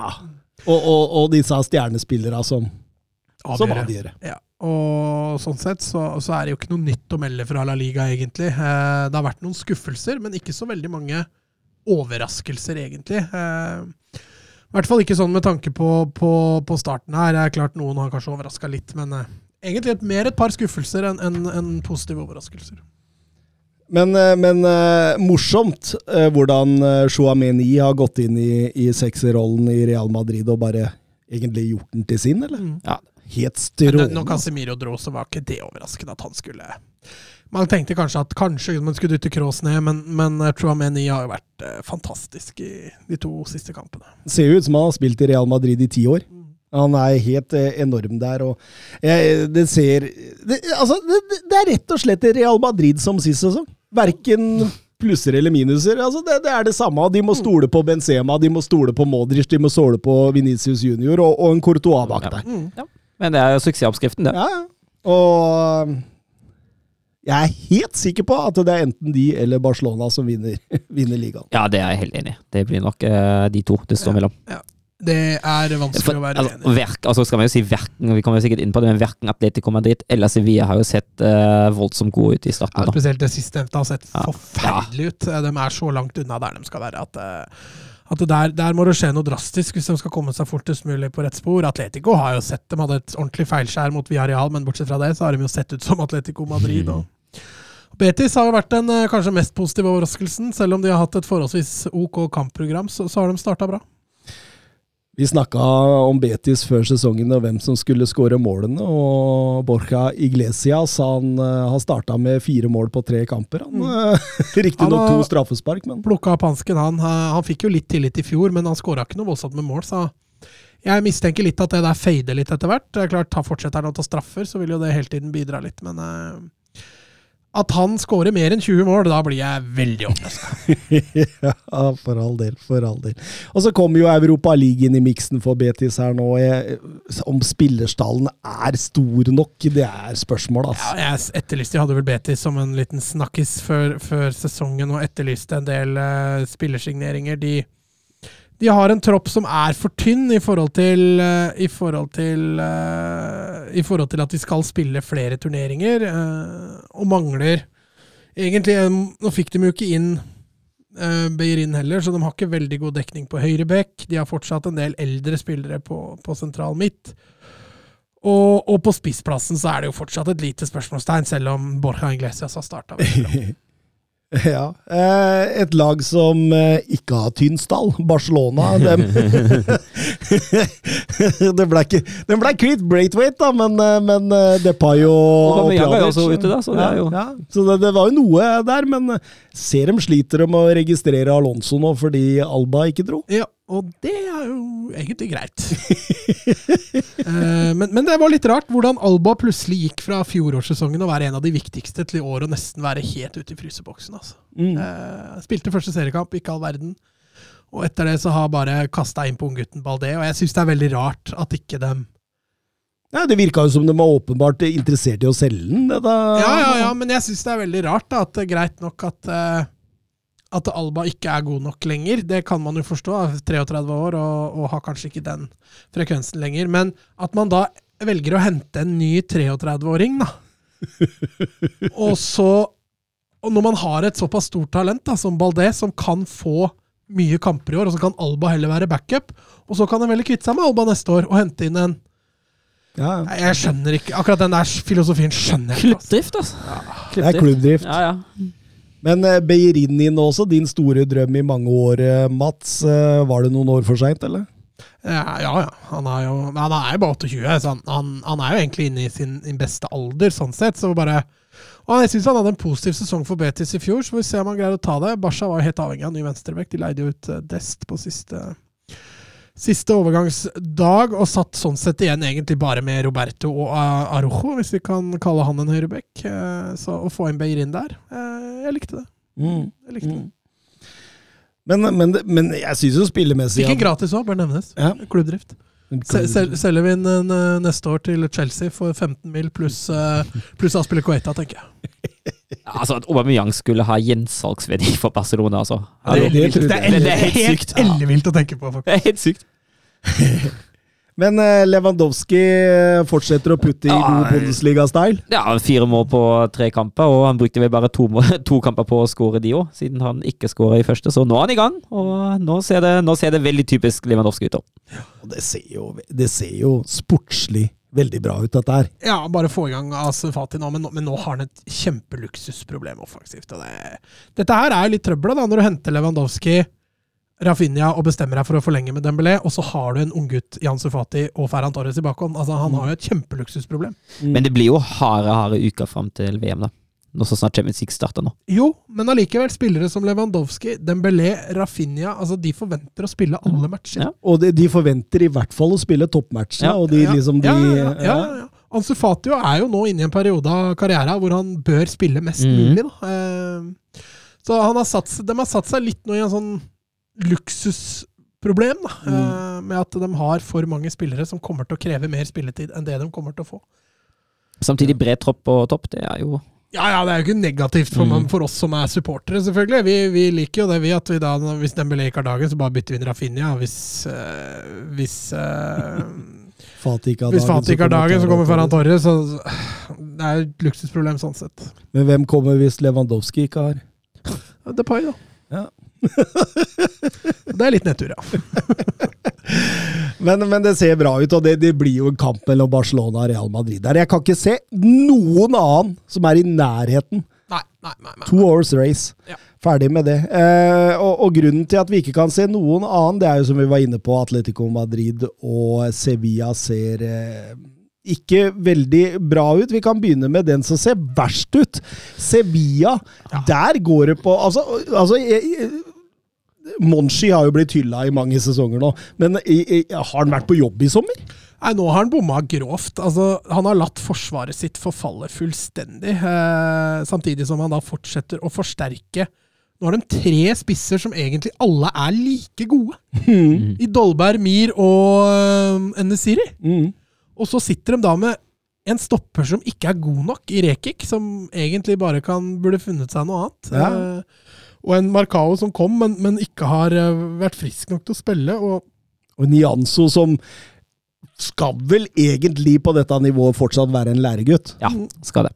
Og, og for ikke å snakke om da en, en, en, en Janusai som har vært OK i Sociedad, skal ikke trekke ned det, men har jo på ingen måte slått igjen som noen internasjonal toppspiller. Isco har jo aldri greid å slå igjen, selv om alle veit potensialet hans. Mm. og han har jo stort sett starta på benken i Sevilla, selv om han kom seint.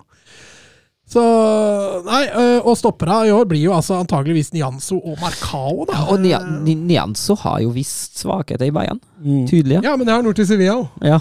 Han har ikke gått inn der og, og, og forsterka laget. Eh, så, og så endte de jo da ikke opp med å få Regulon og hente Erla Telles på, på lån, som antageligvis kommer til å spille andrefiolin for, for Akunya. Og Nei eh, Og Lucas Ocampos er ute. Ja, han forsvant til Marseille. Ajax. Ajax. Ajax var det, ja. Stemmer det. Så nei, de har kvitta seg og, og henta veldig merkelig nå. Handla seg dårligere, de òg. Ja, litt sånn Chelsea. Ja. Chelsea-opplegg. Over hele linja altså, ser det flatt ut. Altså, det, er, det er nesten bare Erik Lamela som har imponert meg for, eh, for Sevilla i åpningen her. Han har sett eh, sterk ut, men utover det Jeg, jeg lurer kanskje på om at det her nå Altså, denne nedoverbakken, den er, Ja, den er stygg, og Ja. ah, nå må man begynne litt fra nytt av, tror jeg. Ja, altså når, når det er med Lopetegui, da. Den store styrken hans er jo soliditet bak, og nå har han mista den fordi uh, spillerne ikke lenger er gode nok, eller gudene veit. Så altså, det, det, altså de, vinner jo, de vinner jo ikke kamper fordi de skårer fem mål hver kamp. De vinner jo kamper fordi de vinner 1 eller 2-0. Mm. Ja, Det var litt det jeg skulle fram til. At nå, nå holder det ikke lenger for Sevilla å skåre et Ja. mål. Ja, det, og da, da sliter de. Det er et Eh, problem. Da blir det at best uavgjort. Altså, Eller i, i tilfellene som har vært i år, da, så har de jo tapt, ikke sant. Um, og, og første kampen så tapte de vel 1-0, og Mm. var jo Altså, det var så flatt. Uh, fryktelig skuffende. Så nei, Sevilla har, eh, har en kjempejobb å gjøre eh, hvis de skal heve seg. Akkurat nå ser de jo ikke ut som de kommer til å havne topp ti engang. Men hva med Atletico Madrid? da? Det ser jo litt bedre ut der enn i Sevilla, men uh, samtidig, altså eh, Fortsatt mye av det samme som de har slitt med de siste par åra. Nå kan det i hvert fall etter seriegullet. da. Ja, eh, det er litt eh, traust offensivt, vi kan si det. Og nå, nå spekulerer de mye i at det, det, Atletico vil jo ikke betale 40 mil for Griezmann, og at Griezmann kommer til å sitte mye på benken i år for at han ikke skal spille nok kamper til å utløse, utløse den klausulen. Mm. Og så sitter man da med Morata og Felix og, og Konya, eh, og til dels eh, Angel Corea, da. Eh, så nei, det er ikke bare rosenrødt i Atletico heller. Nei, absolutt ikke. Mm, Likevel har de dratt uh, i land to seire. Begge seira deres uh, var vel borte på bortebane, ja. Eh, Men jeg, men jeg klarer ikke å se for meg at dette klarer å utfordre gullet her. Altså det, det, det, det ser for flat altså De overlater 70 av spillet sitt til eh, Valencia, f.eks. Og, og, og det, det er jo et eller annet vi har snakket, som vi har snakka om før. Det er den der marginen mellom tap og seier. Den er så Blir mye mindre for ja, det. den blir så jækla liten her. ikke sant? Her, her, er, eh, her er Cádiz og Elche hjemme like vanskelig omtrent som Barcelona borte. altså. Mm. Så det er veldig spesielt. Så fikk de jo inn Regulon da, helt på tampen der. Det er jo en, en eh, Altså Med trebekslinje så er det en forsterkning. Med firebekslinje så er det ikke en forsterkning, med tanke på hvordan uh, Simione vil spille. Uh, men Renan lå de ut. De var jo nødt til å få inn en. Uh, Saul Niges ser ut som blir venstrebekk i år, og det var litt av grunnen til at han dro fra Atletico, for han ville ikke spille venstrebekk. Så Nei, de har jo også litt utfordringer på, på spillelogistikken, men, men de har en brei stall i år, altså Atletico. De tåler noe slag, de tåler noen karantener, som de garantert kommer til å få. Eh, men toppnivået til Atletico, som du sier, det er litt for langt unna Barcelona og Real Madrid sitt. Men hvis f.eks. både Atletico Madrid og Sevilla skal kjøre dette i grøfta, kanskje komme utafor topp fire, i hvert fall én av dem, vil jeg tro er mulig. Jeg, jeg, tror Atletico, jeg tror Atletico havner topp fire til slutt. Også. Ja, det tror jeg. jeg tror de, de, de Ja, de grind- grinder, ja, ja, ja, ja. Da blir det Sevilla i så fall. Da. Hvem er det som tar over den plassen? da? Akkurat nå så ser jo Villarreal eh, solide ut, syns jeg. Jeg syns de har hatt en interessant og god start. eh, og så har du selvfølgelig Betis, skal ikke glemme, glemme dem. Så hvis, hvis det blir en Champions League-plass ledig, så er det en av de to som kommer, kommer til å ta den. Betes er jo nå Real Madrid til helga. Den blir Ja, spennende. det blir interessant å se. Ja, eh, samtidig Ja, Barca som eh, Sevilla. Barcelona og Mm. Sevilla, så det, det blir en spennende helg i La Liga. Ingen Ja, og tvil om det. Atletico har Real Sociedad borte, så det, det er tøffe oppgaver for alle Mm. sammen, egentlig. Eh, Ja, Sociedad som eh, Ja, de henta Omar Sadik og Alexander Sørloth uh, på rekke og rad der. eh. For det er to stykker for å erstatte én mann. Ja. Mm. De fikk jo inn litt cash der, så de fikk jo brutt opp litt. De leier vel bare Sørloth i utgangspunktet, men uh... Ja, Sørloths uh, Sørloths utsikter i Leipzig ble jo betraktelig dårligere da Timo Werner kom tilbake.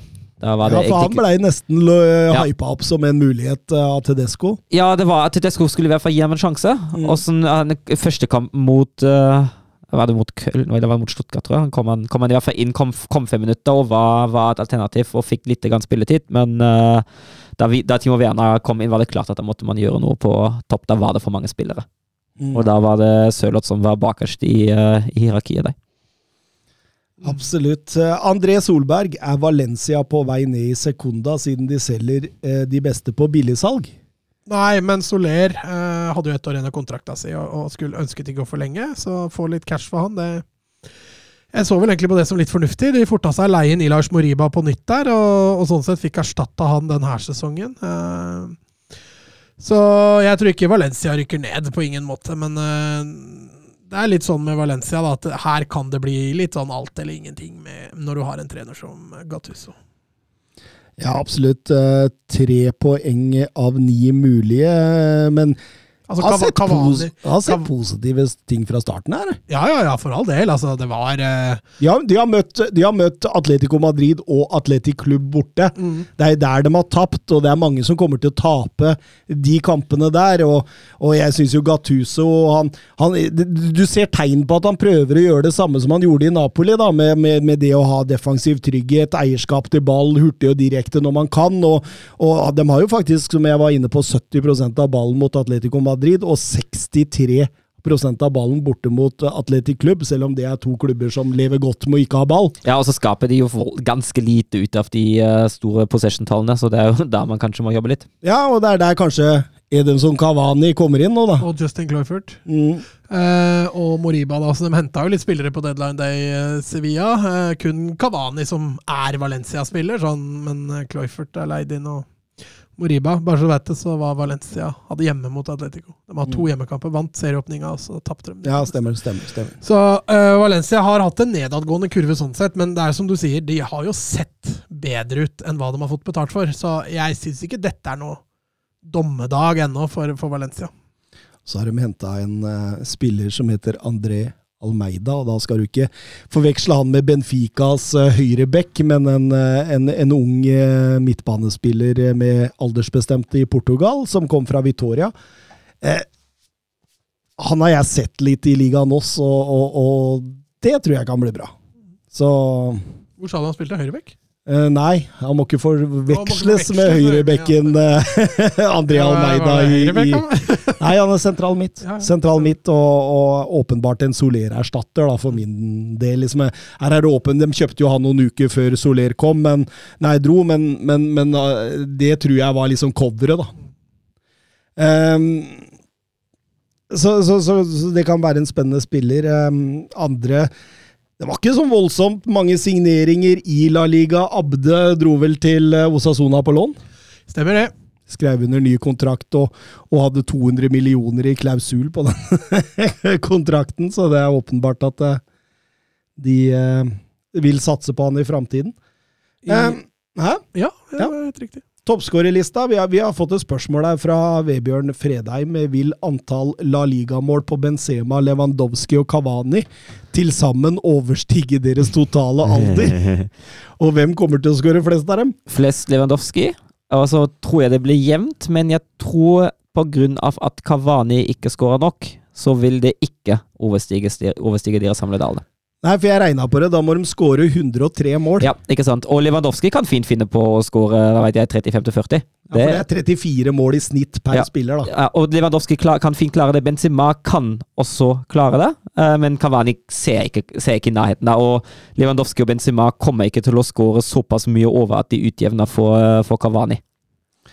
Falcao og Aspas, det er mye aldrende. Det er helt riktig. Det er mye klubblegender i gåseøyne som florerer nå. Eh, og topplagene har på en måte hver sin. Eh, mangler bare å få Diego Costa tilbake til Atletico Madrid, nå, så er vi, er vi i mål. deilig, deilig, deilig. Eh, ja, faen, er klubbløs ennå, eller? Ja, er han ikke det? Jeg har ikke Jo. fått med at han har signert noe, i hvert fall. Skal vi over til Bundesliga? Kjør. Er macht ein richtig gutes Spiel. Jan Schimonek. Die Wolfsburger lassen so gut wie nichts zu. Grafit. Grafit gegen Lell. Jetzt wird's eine Demütigung. Guckt euch das an. Bist du verrückt? Bist du verrückt? Tor des Jahres. Die Bayern. Ja, for eh, ja, Bayern München de eh, har eh, stort sett gjort vei i vellinga før de møtte Jan Sommer. Da. Ja, det var jo, det var jo en sveitsisk vekk som hindret, hindret seieren mot uh, Mönchenglattbach. Og vi har jo snakket litt, vi har vært litt inne på at Forsvaret det så ikke helt trygt ut, alltid. Uh, verken mot uh, Bochum eller mot Wolfsburg. Og så var det jo én stor forsvarsfeil av Opamecano som åpnet for at Turam satte scoring på Noia, men eh, Sané klarte jo å utligne og dra i land ett poeng, som var voldsomt fortjent. Altså, ja, Bayern har jo fortjent alle tre der òg, så prestasjonsmessig hadde det ikke noe å si på den kampen heller. Eh, det, var, det var uflaks. Rett og slett uflaks. Er det uflaks å ha god keeper? Nei, men det er uflaks å, å ikke score på alle de sjansene. Og litt udyktighet, for all del. Det er lov å si at uh, Borussia München-Gladbach hadde griseflaks? Ja, det vil jeg si. Det vil jeg definitivt si. Ja, litt sånn som Tottenham mot Chelsea, liksom. men eh, Men eh, Nei, altså det, det er jo ikke noe nytt under solen her. Det er jo et. Bayern München som ser fullstendig overlegne ut. De kjører på. De bra, ekstremt offensivt. Uh, Arsenal, rett og slett. Eh, ser ut som også Nagelsmann også får Lino spille litt som han vil, med å slippe løs Ja, eh, og- Davies på venstre der. Ja, og og den, denne fly, altså Angrepsspillet til Bayern det ser jo helt enormt ut. Denne, de flytende bevegelsene, og man veit egentlig ikke helt hva som møter en. Og Det var jo litt sånn det håpet Bayern hadde òg, med, med, med å kvitte seg med Lewandowski. at at man var litt mer uberegnelig for motstanderne. Og det har jo Nagelsmann, eh, Nagelsmann så til de grader klart så langt. Eh, enorm jobb han har gjort i sommer, altså. Mm. Ja, jeg syns det ser bedre ut enn det gjorde i store deler av fjorårssesongen. Og, det og det også uten Lewandowski, men de har jo fått inn Sadio Mané da, og det Han har vært stor, han. Han har vært stor. Han har vært stor. Han har vært eh, helt enorm. Nå sies det jo internt at han kan bli enda bedre. Eh, Han har vel fått seks mål allerede annullert i de offisielle, i de, i de offisielle kampene så langt i år. Eh, En, en Morata Light, husker du den der sesongen da han skårte? Det var jo 10-12 offside-mål. Offside. Ja, var jo en, eh, mot Bochum var det jo også en, eh, en hens. Og jeg syns i noen situasjoner har han vist at han ikke er en, en rein spiss, en rein nier, men altså herregud, for en berikelse han er for dette laget. Han, eh, han gjør veldig, veldig mye for det offensive spillet. Ja, fordi de, de, de antatte utfordrere, da, altså Dortmund, Leipzig, Leverkosen, det, det har jo ikke levert. Nei, Dortmund har jo poengmessig ser jo Dortmund best ut med ni poeng, men vi har vært inne på det at uh, mot Leverkosen kunne det vel så godt ha blitt uavgjort. Mot uh, Freiburg burde det maksimalt ha blitt uh, uavgjort. Mot Hertha var det nå fullt fortjent.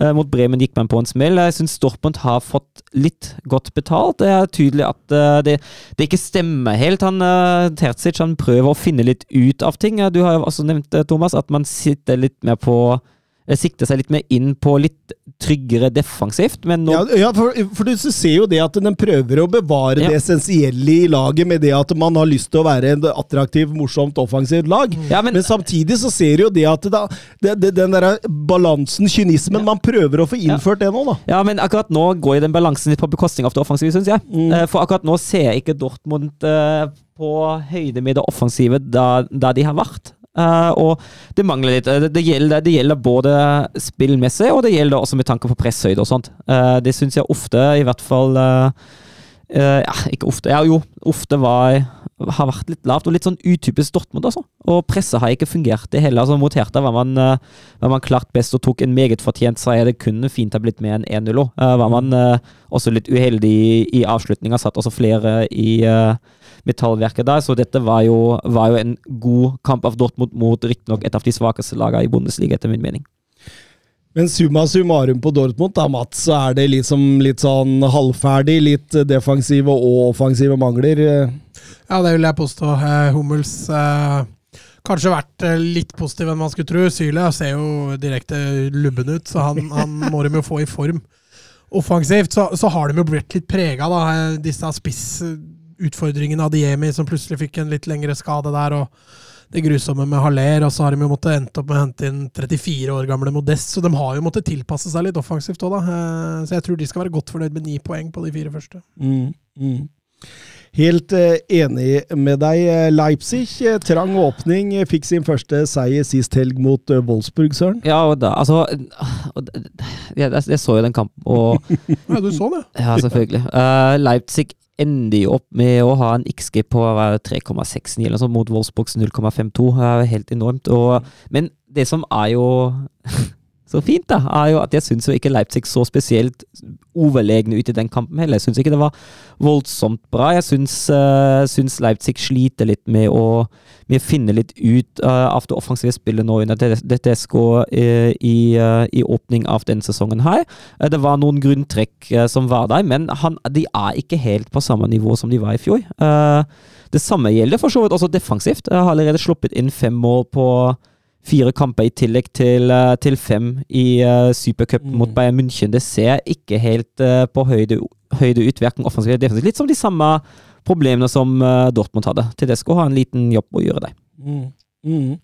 Og det kan jo være sesongdefinerende på mange måter, de tre neste nå. Da. Skal de borte mot Frankfurt, hjemme mot Dortmund og borte mot Borussia München-Gladbach, og imellom der er det Real Madrid i Champions League. Ja, og det er jo tøffe kamper. Og ja, jeg er enig. Altså, det, det setter i hvert fall litt preg på sesongen nå før VM, eh, som er jo litt grann kortere, eh, med tanke på pausen. og litt grann preg i hvilken, hvilken stemning man vil, kanskje vil gå inn i, i den sesongen her, eller i, i den, i den VM-pausen. da. Guardiola hadde hatt en fryktelig start på sesongen, syns jeg. Sett, Ja, sett eh, har han vært litt prega av ryktene nå? Ja, det kan fort være det. Uh, og så mener jeg også å huske at han har slitt litt med skader. Mm. Han har ikke vært helt frisk i, uh, i sommer, hvis jeg husker det riktig.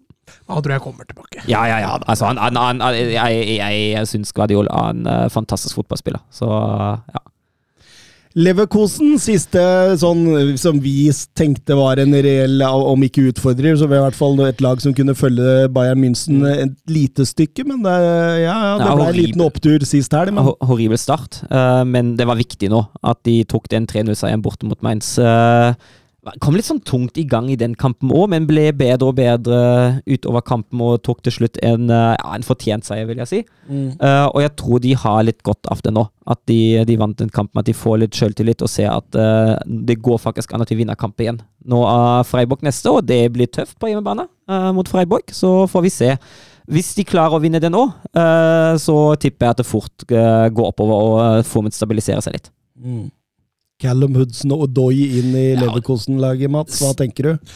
Nei, de har jo ikke hatt hell med å hente engelske spillere før, så vi får se. Eh, Men, men talentet til Hudson Odoi, det går inn og styrker. Eh, Og ikke minst bredden. Og han trenger jo spilletid.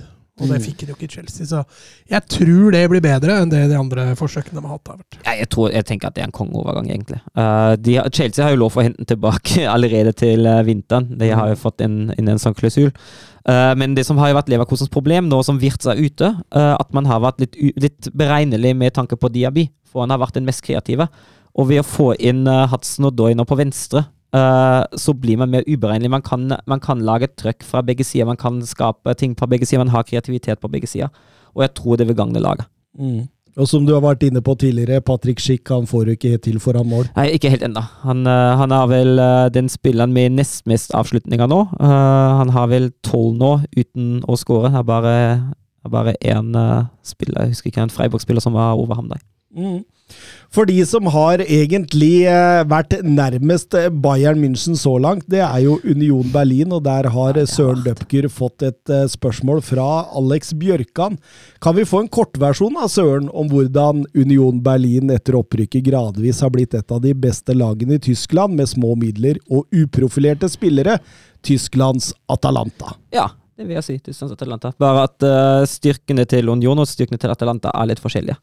Det er to forskjellige spilletyper. Vel, veldig, veldig. Det er egentlig litt sånn det stikk motsatte av hverandre, vil jeg si. Uh, jeg syns jo det er tre hovedaktører her. Det er presidenten Dirk Singla, uh, som lever den eh, klassiske Union Berlin-ånden. Uh, som har ført klubben, eh, som har jo hatt sine utfordringer på midten av eh, 2000-tallet, eh, inn i eh, veldig rolige områder. Det er sportsdirektøren Oliver Ronat som har en nese eh, for spillere som er gunstige, som er billige, men som passer perfekt inn i uh, det taktiske systemet til trener Os Fischer. Og jobben Os Fischer har gjort med dette laget, dette har, det, har vært, uh, det har vært helt enormt. Han, gjør dem, han gjør spillene bedre.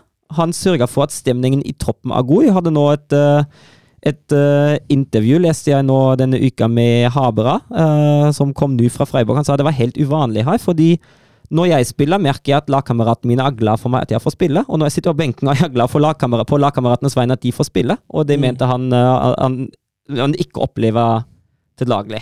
Uh, jeg syns Fischer er taktisk sterk. Uh, han, uh, altså det Grunnprinsippet er jo defensiv disiplin og kjappe direkte overganger. og Union Berlin presser jo på ingen måte høyt, men veldig aggressivt i siste tredjedel. og når det begynner å nærme seg deres eget mål. Og så syns jeg også Fischer er veldig god til å ofte treffe på inngangene sine, avhengig av motstanders styrke, og ta ut uh, de største offensive styrkene til, uh, til uh, motstanderen. Det er jo en annerledes klubb. Det er en egen mentalitet, det er en egen, et eget samhold, det er en egen supporterkultur i klubben. Det er noe særegent som kanskje bare Union og St. Pauli har i den profesjonelle fotballen i Tyskland. eh, på hver sin måte da, og de kan ikke sammenlignes de heller, men på hver sin måte. Eh, og så er det et nøkternt ambisjonsnivå. Eh, Union Berlin sier nå har vi hatt to gode sesonger, vi spiller internasjonalt, vi spiller Europaliga. Men det handler likevel om å få de 40 poeng, og ikke rykke ned. Sikre plassen, og så ser vi hvordan det går. Ja. Og jeg syns den klubbdriften som de har hatt Alle spillere som kommer inn, uh, kommer gjerne som uh, Som Alex Bjørkan er inne på, det er jo uprofilerte, gjerne billige spillere. men som jeg sa, de passer inn i systemet til Fischer. Og alle kan erstattes. Det beste eksempelet nå er jo Avonii. Uh, mister ham, han går ut. Og så går, Siebert Sjø inn, fyller den rollen, pluss at Giraldo Becca Han har jo vært helt enorm i starten av sesongen, han òg. Eh, så det er bare Altså, det de gjør, det er en rød tråd. Det henger på greip, og de har de riktige folka i de riktige rollene. Også, Altså, Torsby passer jo veldig bra inn. ja, Torsby er jo, det er jo, altså, det er jo en Ors Fischer-spiller som han eh, altså hvis, han hvis han skulle Hvis Ors Fischer, Ors Fischer skulle bestille seg en uh, sentral defensiv midtbanespiller, så hadde Morten Torsby stått på døra. ja. Det er akkurat den spillertypen Ors Fischer vil ha. Og jeg syns den andre nordmannen også, Julian Ja, Ryerson, er- gjør det meget sterkt der. Sterk start på sesongen. Han har vært, eh, han har vært god nå, altså. Og, og det, jeg er enig med deg. altså det, det, Nøkkelord for meg her, da, det er jo klubbfilosofi, spillestil. Og, så- og så, som er, det, det er jo ikke enkelt, men de er veldig identifiserbare, øh, de spillere som man skal få henta inn. Altså, Man trenger de der offensive type bekkene, disse kolossene bak der. Du trenger hardtarbeidende midtbanespillere. Du trenger store, sterke, raske, gjennombruddssterke spisser. Og det Altså, det, det, det, det, er, det er liksom Det er sånn enkel spillestil, og enkelt å, å, å, å få spillere inn i den søyla. Og, så, og så bare gønner man på og har tro på det, og har en positiv ehm, feeling rundt alt. Og, og det, det Altså, jeg kødder ikke når jeg sier det at det, de har jo Bayern München i morgen. Ja, og den blir, den blir spennende. Den blir gøy. Ja, altså fordi Hvis jeg skulle plukke ut ett lag i Bundesliga akkurat nå som har størst sjanse til å slå Bayern München, så er det faktisk Union Berlin. Ja, For Fischer kan finne ut å uskadeliggjøre de offensive hos Bayern. Så sier jeg ikke at de gjør det, men jeg Nei, nei, nei. Føler, føler det er en god sjanse der, liksom, i hvert fall. Altså, Bayern er jo favoritt der. Hvor man, eh, hvor man, men, hvor, hvor enn de er i Tyskland. ja, men jeg, jeg synes sannsynlig, som du sier, altså, sannsynligheten for Union er større enn mange andre klubber. Men vi må snakke litt uh, Wolfsburg òg, da, Søren. Må vi? Du sitter Åh. der i Wolfsburg-genseren Ja, din. jeg gjør det. Uh, det har vært tungt. Uh, jeg var rimelig lei etter Leipzig. Eh, Ja, du, du skrev så på chatten vår. Ja, jeg var, jeg, var, jeg var fryktelig frustrert, og jeg er egentlig det fortsatt. Fordi jeg Vi snakket om den røde tråden hos Union. Jeg ser ikke den i Wolfsburg. Eh, jeg syns det er enorme defensive svakheter. Uh, Lacroix lager, lager et tullete hjørnespark fordi han feilposisjonerer seg. Og i det påfølgende hjørnesparket, uh, uten at det er press på ham, uh, henter han ut ballen, og det blir straffespark etter to minutter mot Leipzig. Og det, sånn kan man ikke holde på. Frispillinga uh, vi besett, altså, Det er så dårlig med alternativer til spillerne. Altså, halvparten av ballene som spilles bakfra, havner hos motstanderen. Uh, rombesetninga offensivt når man sjøl har ballen, det er helt natta. Det er ingen alternativer. Det er helt katastrofe. Hatt to gode minutter mot Schalke, hatt ti gode minutter mot, Union, eh, nei, mot, uh, mot Leipzig nå. Jeg ser ikke hvordan dette laget her skal slå hvem som helst i Bundesliga, og jeg ser Vi var inne på det. altså United det går i hvert fall litt framover, men jeg ser null framskritt hos Niko Kovac. Det ser tyngre og tyngre ut for hver kamp som går, og jeg er allerede møkk lei. Savner, du K-felt? Nei, jeg gjør ikke det. Men jeg savner at en klubb ansetter en trener som kan faget sitt. Jeg har møkklei sånne mediocre til dårlige trenere. Mm. Mm. Og jeg, jeg, jeg, jeg Tenk at om de, de bare kunne liksom på erstatta eh, Eller fått inn O- Ola Werner, for eksempel. Ja, eller Thomas Reis. Som eh, Altså, nå går det jo dårlig i, Bochum for all del, men jeg mener at Thomas Reis en, eh, hadde vært en eh, meget spennende trener å få inn. Mm. Og jeg, fatter det ikke. Jeg fatter ikke at man, eh, man altså, altså, Hva er den røde tråden i treneransettelsen heller? Jeg ser ikke noe der. Altså, Fra Bommel til Kåfeld til Kovac. Altså, hva er det egentlig man ønsker å oppnå? Har man, har man identifisert at ja, spillerne var litt for late under van Bommel, for han stilte ikke krav? Nå kommer det en trener som stiller krav, men Nei, veit du hva. Eh, Jeg er så frustrert, og jeg er ordentlig, ordentlig rett for at i år er året, altså. Det er en rød tråd på de to siste, da. altså begge begynner på K, liksom. Ja, ja, ja. Mm. Det er den røde tråden. Det, rød. Og jeg, altså, jeg, og det, det, det stemmer ikke defensivt, det stemmer ikke offensivt, det stemmer i de nye som har kommet inn. Altså, øh. Kunne Ketil Knutsen vært nå? altså alt er jo bedre enn det som er nå. Han begynner på K, nå, tenkte Ja. jeg. Ja. Ja. Men altså, jeg, altså jeg, jeg er ordentlig rett for, eh, for klubben i år, altså. Ja. Og så skal jeg Men, innrømme men, men, men, men der vil jo du jo etter hvert, altså de fem neste nå, Köln, Frankfurt, Union Berlin, Stuttgart, Augsburg Det bør være mulig å plukke litt poeng der, Ja. og hvis de ikke plukker noe særlig poeng der, da, da blinker det rødlys. ja, altså Jeg har sagt allerede nå at uh, Kovac han får nå to til tre kamper til av meg Uh, for å vise at det faktisk går i riktig retning. Og hvis vi fortsatt står med to poeng etter, om to eller tre kamper, og vi spiller fortsatt like begredelig som vi har gjort i starten av sesongen, da er det én vei, og det er rett ut. Sorry, altså. Det er Köln hjemme, Frankfurt og Union Berlin borte. Ja, og jeg sier, jeg sier ikke at man må vinne, eller noe sånt, men jeg sier at jeg vil i hvert fall se framskritt. Jeg vil se noe som gir meg tro på at det går i riktig retning.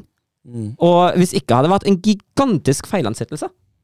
Ja, helt klart. Men, Men, vi, men er det sånn at han kan få fyken? Nei, han har jo kontrakt til 2025. Jeg tviler på at Schmatke gir han fyken. Jeg tviler sterkt på det. Og De rykker ned med Kovac hvis de nei, det tror jeg ikke. Schmatka er ferdig i januar. Og det er jo neste problem. Schmatka er ferdig. Uh, eh, Marcel Schäfer, klubblegende, er er jo nå sportsdirektør. Men han, han har fortsatt ikke sagt hvem som skal overta. I uh, Bochum er sportssjefen Sebastian Schinzilort ferdig i uh, senest desember. Uh, han har vært et navn som har blitt nevnt, som jeg personlig syns hadde vært meget spennende, for denne mannen kan bygge klubb.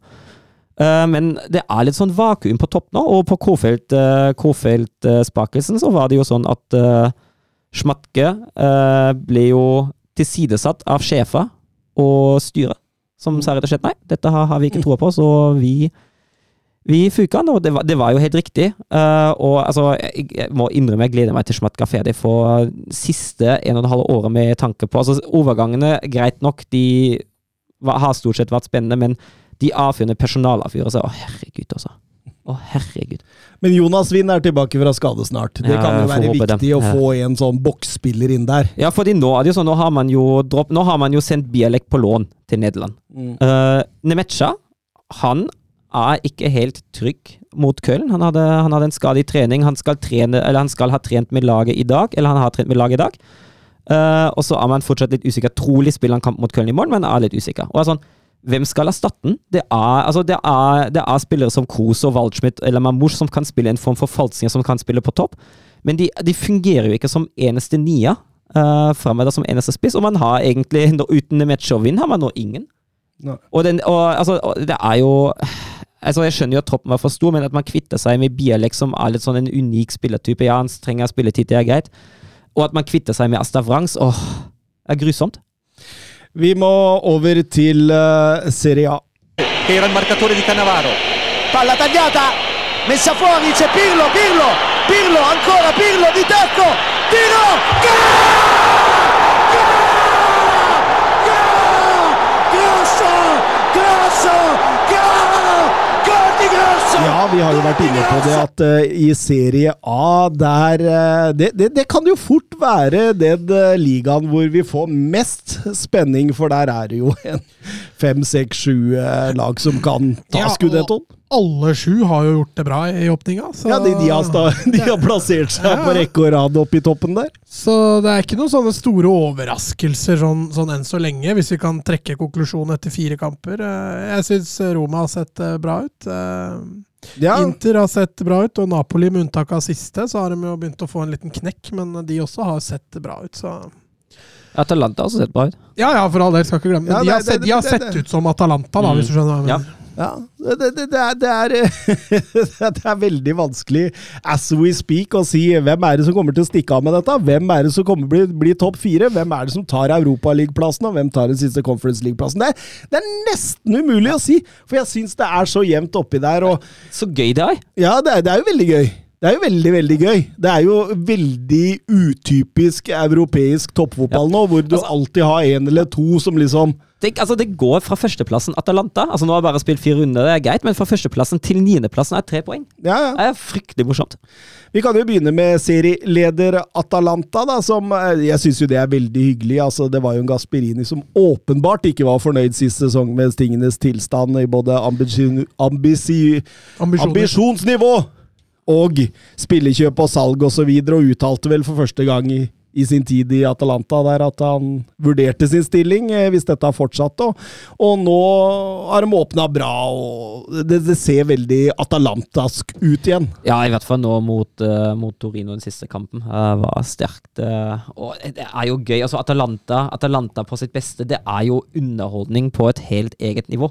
Og det er jo, det er jo så morsomt å følge det laget og, og se kamper og ja. Og Theon Coopminers der har fått en Altså, han var svak i fjor, fjorårssesongen, men denne sesongen har det jo åpna helt strålende. Og jeg syns det ser veldig bra ut. Kun en uavgjort mot Milan, som er på en måte eh, poengtapet de har hatt. Ellers har de tre, tre seire, og det ser sterkt ut. Et annet lag som ligger rett bak, er Roma. Eh, Søren Døpker. Be, Ja, begynner du å det, det kommer ikke til å holde. Begynner du å bli litt redd for dette her, eller? Nei, det kan jo hende at de havner i topp fire i år, for all del. Med tanke på hvor jevnt det egentlig er. Uh, hvor, hvor, hvor små de avstandene er mellom de, mellom de to mellom de, mellom de øverste klubbene. Og det er klart, jeg har jo sagt det før, Roma har jo forsterket seg godt i sommer. Ja, det, jeg syns det er en aura i Roma men ikke har sett siden Totti og Sala herja for en sju-åtte år siden, på en måte. Altså, eh, da var jo laget en fast topp fire-klubb. Eh, det har de jo ikke vært de siste sesongene nå. Og, og, og eh, ja, jeg syns det ser veldig bra ut. eh, og et lag egentlig som kjennetegner litt sånn Mourinho prime-lag. Eh, solide defensivt. X-faktor på topp. Og det har de også fått inn i Dybala. Nå har jo han også begynt å røre på seg siste match, så Nei, altså hvis utviklinga her fortsetter, så er de jo ikke lenge til de er en seriøs serieutfordrer. Kikker på Søren der. han uh, titta vekk. Så nei, det blir gøy å følge Roma, i hvert fall. De, de gleder jeg meg litt over, også med tanke på veddemålet til meg og Søren. Så er det jo klart at uh, har, du, har du fått sjekka her? Conference League her? Nei, ja. Inntil du har sjekka det, så har jeg vunnet det veddemålet. Du veit det? Da sparer jeg meg for sjekken, da. Da sparer jeg meg for sjekken. Ja, inntil du har sjekka det, så oh, ja. har jeg vunnet. Nei, det er selvfølgelig bevisbyrden ligger på deg. Nei, Jo. fordi påstanden min er at Roma vinner et stort trofé. Du nekter for at det var det som ble sagt. Da er bevisbyrden på deg. Nei. Jo, du må jo motbevise du å må jo hjelp? Du må jo motbevise min påstand. Nei, Jeg sier jo helt klart at Conference League ikke var en del av dealen. Ja, men Påstanden min var at du sa det. Ja, men hvis du, hvis du, skal, hvis du skal kreve inn uh, Kreve inn uh, innsatsen Jeg sa det først!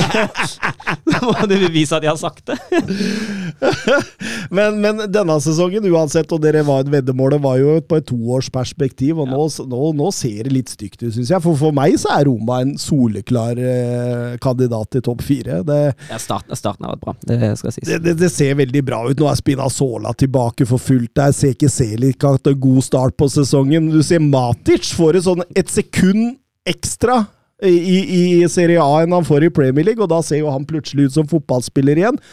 Eh, Sanjolo, Dybala Det ser hele Abraham. ja, ja, ja. Det er bare synd at Vinaldum var skada der, men nå kommer jo også Andrea Bellotti inn, som kan på en måte eh, Tammy Abraham på topp der, så det, det, det, det Altså, stallen er jo bra. Ja, stallen så- stallen er veldig bra. Den ser breiere ut nå. altså Hvis reservelaget til Roma hadde reist til Aspmyra nå, så tror jeg den kampen hadde blitt mye jevnere. i hvert fall. Det hadde nok ikke blitt uh, grisehjuling sånn de fikk, nei. Eh, Inter eh, Ja, som forventa, vil jeg si. Det er litt sånn som forventa. Altså, ikke helt ulik åpningen til Roma. Har, jo hatt et greit kampprogram og, og avgir eh, poeng i den eneste kampen av betydelig motstand. Da de gikk røyk på et skikkelig 3-1-tap mot Lazio der, men men eh, ja, nei, det, det, det, det kan jo godt hende det bekymrer dem nok. Og jeg, som, jeg, som jeg sier, at eh, Husker du den tida da det ble snakk om at Insagi eh, Sinter var mye bedre enn Conte Sinter? Jaha. Jeg, jeg tror jeg kan sette to streker under svaret på at det er dem ikke, altså. At det har gått litt bakover igjen. Ja, soliditeten har jo blitt eh, mye dårligere. De slipper jo inn så å si hver match de spiller, men, men offensivt så syns jeg Inter er mer underholdende å følge med på nå enn det de var under Conte. Mm. Uh, det har litt med spilletypene altså Det å få Lukaku tilbake igjen er jo, er jo klasse. Uh, og de begynner å få mange strenger å spille på også. Derby della Madonina i morgen. Milan-Inter, ja. Det blir eh, meget, meget spennende. Lukter litt poengdeling der, altså. Ja, det gjør det. Eh, Napoli eh, henger jo seg på. Eh, hatt en eh, liten nedadgående etter de to første kampene der. Eh, Spalletti begynte å rullere litt der, og da men det skal jo sies at de bør ha vunnet mot både Fiorentino og Lecce, med tanke på hvordan kampene så ut. Ja. Uh, så jeg syns resultatene lyver litt, altså. mm, mm. Østegård fikk det sin, ja. Ja, det var gøy. Det var en del av den rulleringsprosessen. Er åpenbart Jo, men han gjorde jo en god figur òg, Ja. så han, han syns jo det at han styrka aksjene sine litt. Men han hadde jo spart Skvadriaskela og Mario Rui og, og, og flere der, så åpenbart at han så på Lecce som en kamp og, og ville litt spillere, så, så gikk ikke det helt greit. Har Lazio borti neste nå. Det blir eh, meget, meget spennende, for Lazio har åpna bra i Genoa. Ja, og så eh, er, er det nok et lite blow at Fabian Ruiz dro. Ja, men der har Ndombele kommet inn. vet du. Ja, ja. Ja, nei, altså Hvis de får i gang han, så er det jo, er det jo ikke noe tap, men uh... Litt, litt mer edruelig opsjon eh, på Ndombele denne gangen. 30 millioner euro, så da får man Altså, Ndombele Får se om han gidder å være god i Napoli, da. Jeg tenker litt sånn. ja. Altså, det er litt Pogbask over det, liksom. Altså, og jeg får litt sånn Pogba-feelingen her òg. Finner han den rette klubben der han trives, så kan dette bli hur bra som helst, altså. ja, for øh, potensialet er jo der. ja, det er jo det. For all del. Um, Juventus Jeg sliter vi med det samme gamle, tenker jeg. Altså, det er jo mest det offensive det går på. Eh, Defensivt ser det jo trygt ut. Har jo også bare fått ett baklengsmål på, de, eh, på de fire første kampene, men det offensive, altså. Mm. Særlig mot, eh, mot lag som er litt bedre enn uh, enn Spezia. Da sliter det fort. Ja, og nok en gang så er det denne midtbanen, altså. Jeg, jeg, jeg syns når Fabio Miretti, denne 19-åringen, kommer inn i den ene indreløperen, så ser det litt bedre ut. Ja, Så ser du at de kommer til å bli litt avhengig av Di Maria i år. Mm. Eh, de har, eh, der har de den kreativiteten de mangler. Da. Eh, så, så å holde han skadefri og i kampform i viktige matcher, det tror jeg blir helt avgjørende for Juventus. Mm. Ja, helt klart. Den kreativiteten der, den trenger dem så voldsomt. Og så, altså, det, det- er noen aspekter her. Eh, Pogba Di Maria, Vlaovic. Det, det må sitte. Eh, Paredes kom inn nå på siste, siste dag. Det kan godt hende det kan være en løsning, for all del. Men, eh, men, men, men han må finne ut av dette Allegri, altså, fordi jeg, jeg tror han gjør det. Jeg tror dette bare blir bedre og bedre utover sesongen, faktisk. Nå har han jo hatt en hel sesong på seg, da, men det er klart, nå har det jo vært mye utskiftninger i sommer, da, så han, han trenger å jobbe litt relasjonelt. Mm. Henta jo også Milik der som uh, super Ja, han gikk vel rett inn og skåra, gjorde han ikke? Han gjorde det. han gjorde det. Har jo vært god i Serie A før, han. En nisselue på. Snakk om den nyeste shitshowet rundt Pogba. Det er så mye sirkus og skade med den fyren at man glemmer helt fotballspilleren. Tenk om han faktisk kunne fungere eh, i jobben sin. Eh, henviser da til dette klippet som er lekka av hans bror, hvor han angivelig skal kaste en forbannelse på Kylian Mbappé via en eller annen heksedoktor eller noe sånt. Da. Blei det politianmeldt? Ja, det blei det. Det er så sjukt. ass. Det er politietterforskning, da. Humbala, humbala, Mbappé, Mbappé, du skal svi. Sa han det på norsk òg? Å, fy fader. Ja, da. En norsk heksedoktor. Norsk heks. Ja, ja, ja. Men, men, men Paul Pogba. Nei, altså hvis, Nei, altså, jeg, jeg skjønner altså, ja, jeg, skjønner, jeg, skjønner, jeg skjønner ikke. Jeg, jeg har egentlig ikke. Altså, tenk, tenk hvis han altså, Det er liksom, det er liksom balotellisk, da. Ja, det er det. Er det. Altså, tenk, tenk, hvis, tenk hvor mye talent uh, det egentlig sitter i sånne folk, og så bare velger man å kaste det bort, egentlig. Da. Det blir veldig spennende. Han er vel eh, tilbake fra skade i løpet av denne måneden her. Det blir veldig spennende å se hvordan dette går nå. Hvordan Pogback eh, 2-0 er. Ja, altså, altså, ha, altså, tenker jeg også, Hvis han ikke lykkes i Juventus, så, da, da er han jo ferdig på absolutt toppnivå. Også. For det, altså, Da har han jo virkelig alle forutsetninger. Absolutt. Eh, AC Milan, da, de har eh, plassert seg litt grann bak. Har åpna OK hjemme med to seire, men har avgitt eh, begge turene ut av Milano. Eh, Henta greit eh, nå. eh, Aster Wrangs fra, fra Wolfsburg og Serginio Dest fra Barcelona. Henta faktisk fra begge deres. Ja, og Malik Tja fra, fra Schalke også, men han er jeg litt usikker på. Uh, altså Han er i hvert fall ikke god nok nå, men jeg er også usikker på hvor god han egentlig blir. Så jeg er ikke helt sikker på om det var en sånn kjempeovergang. Uh, Men, men, men, men Pioli han har, han har jo rotert noe voldsomt fra starten her nå. Tror du det er på en måte Altså, Kan det være en strategi mot det heftige Ja, programmet opp mot jeg- VM? Jeg tror det. Jeg tror, det. Jeg tror at det, det, handler om at han har lyst å få i gang så mange spillere som mulig, for han vet at han trenger hele bredden i troppen. Ja, Og det tror jeg kan koste dem noen poeng i starten, Ja, men men, samtidig på kan- lengre ja, sikt. det kan gjøre seg betalt, altså. Eh, Det blir spennende å følge De Ketelare òg. Ja. Jeg har litt sansen for han, så bare håper han kommer i gang.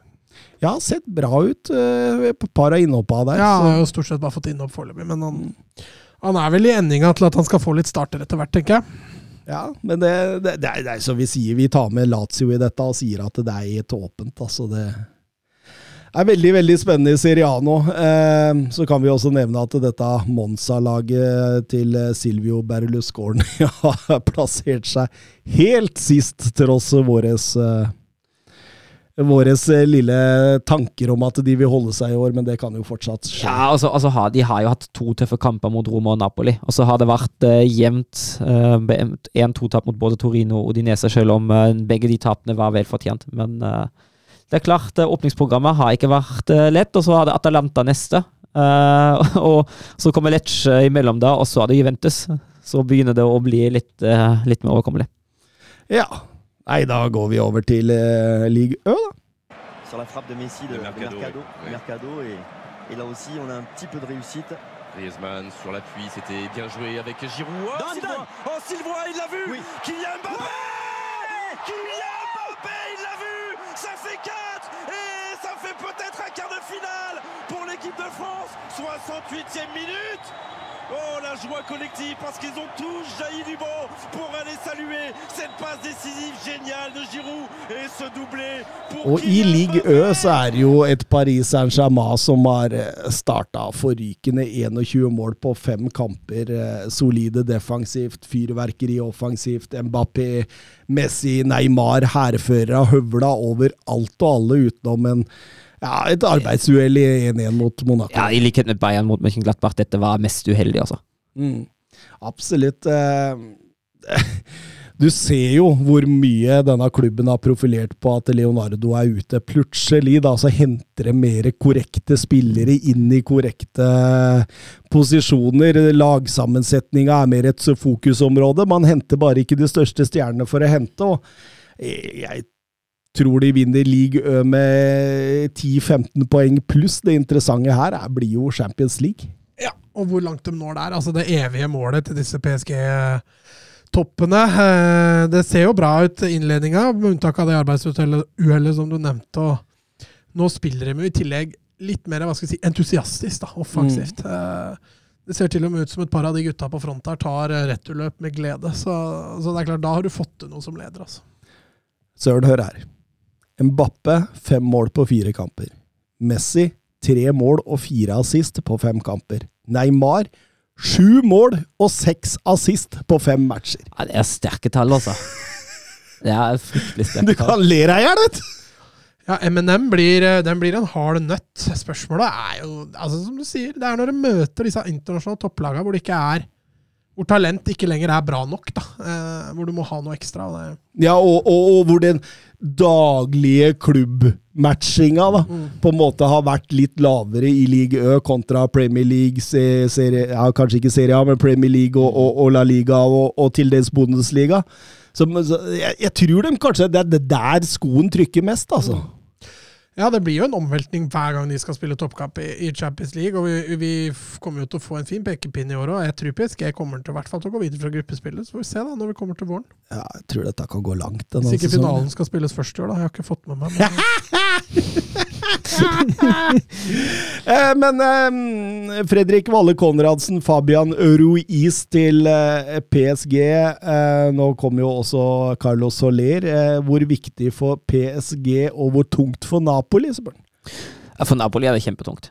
Det, det er ikke en spiller man har lyst til å miste. For PSG, tenker jeg. Altså det, det, er jo, det er jo en overgang som passer perfekt inn uh, i den nye filosofien som du beskriver. Det er ikke en absolutt verdensstjerne, men det er en spiller som de har behov for, som de trenger i sin posisjon, som, som er på et internasjonalt høyt, høyt nivå. Også. Og så begynner de å bli godt besatt nå sentralt der, med lø gode løpere. Mm. Med tanke på at Neymar, Messi, Mbappé sluntrer unna en del Mm. defensivt, så må de ha spillere som dekker store rom defensivt. Fabian Ruiz, eh, Renato Silva Nei, Renato Sanchez, Marco Verratti altså Det begynner å bli bra dekning der. da Carlos Soler kan vi faktisk ta med inn i den. Mm. Så de har henta spillere nå for å, for å dekke opp også rom. Og så tenker jeg også, da, når du klarer å hente Fabian Ruiz og Carlos Soler for under 50 millioner euro til sammen, det er business. Det er god business òg. Det er, det er strålende business i disse dager, når du tenker på at en Antony går for Går for 95 millioner euro, og, og, og Casemiro for 10-12 millioner euro mer enn disse to til sammen. Så er jo det, det, det er jo strålende business, ingen tvil om det. Og det, det ser veldig bra ut, dette prosjektet Altier Campos nå. Jeg syns det ser eh, enestående ut. og Det er, det er nesten sånn at eh, mm, jeg, jeg Altså det, er, det er litt juks òg, da. Når de, altså PSG sliter med disse her trenerne som ikke har funka, og så henter de bare det beste Frankrike har å by på. Tar det fra de andre klubbene. Nei, det er litt, eh, det er litt Fifa over det. plasserer de rett inn i klubben sin og sier sånn Ja. der. Og det, det var jo mange som var litt sånn skeptiske. Ok, en litt sånn mer defensiv pranabaktiker av en, av en eh, av en Galtier. Eh, men det viser jo seg at dette har gitt en balanse i laget som er mye, mye bedre, rett og slett. Og det, jeg tror det kan være en Champions League-contender denne sesongen. Ja, det har nok stort sett vært de siste ti åra. Ja, det, ja, faktisk. Og så ryker det på et eller annet. Kommer de til Santiago Bernabeu, og så skårer de ti mål, men ryker ut for det. Så det ja. Eh, Lagene som har fulgt nærmest, er Lans og Marseille. Vi kan jo ta Marseille der under Igor Tudor. Eh, Kjører jo denne Igor Tudor-stylen sin med 3-4-3, eller 3-5-1-1, kan man vel si. og, og en, en forandring han har takla bra, selv uten Saliba der. Jeg synes det, det, det ser veldig greit ut, og nå er jo til og med Alexis Sanchez kommet fra, fra Inter Milan holdt jeg på å si, og begynner å tråkke inn mål. Ja, står med to mål nå, så Han skåra vel begge i debuten sin nå, så det, det, var, det var strålende start. De har vel også henta Og henta han der en, eh, som kom på overgangs... Erik Bailly, Nei, han som kom Eh, etter. Amin Harit. Yes! Ja. Han jeg skulle fram til.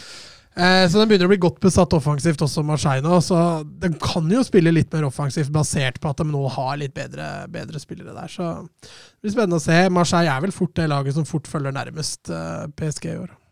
Og det var viktig for klubben dette når Sampajoli gikk i sommer, at, eh, at Tudor fikk en god start på sesongen, tror jeg, i forhold til disse eh, supporterne og den negativiteten som fort kommer inn i den klubben når det går gærent. Men det, det, det, ser veldig greit ut foreløpig. Og, og de er en fin contender oppi der, sammen med Lyon, som henger seg litt på fra start der. og, og et, et Lyon-lag som selger og selger, og, og henter billig. altså det, Man har knapt nok brukt penger, men jeg veit ikke om laget er noe særlig, særlig dårligere for det.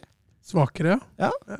Nei, de ser, de ser, altså, de ser solide ut, det er kanskje å ta i, men eh, det, altså, kjøpene er smarte. Han har henta litt rutine, fått inn uh, Colisot Corinten Tolisso, fått inn Lacassette. Det er, det, er, eh, det er smart, hvis vi kan si det på den måten, måten de driver spillelogistikk. TT, som har kommet på lån fra Sjaktar der, har jo tatt league Ø med storm, rett og slett. Og, og Johan Lepenant, som kom fra Cannes der, en, en 19-åring som bare eier den midtbanen fra, fra dag én. Så det, det, det, det, det er gøy. Alas har vært eh, sterk på markedet denne gangen, ingen tvil om det. Solgt Paketa for 42 og henta ja, Lepenant, Tagliafico, TT, Tolisso og Lacassette for til sammen 8 millioner euro. Det, det, det er klubbdrift, Mats! Det er klubbdrift!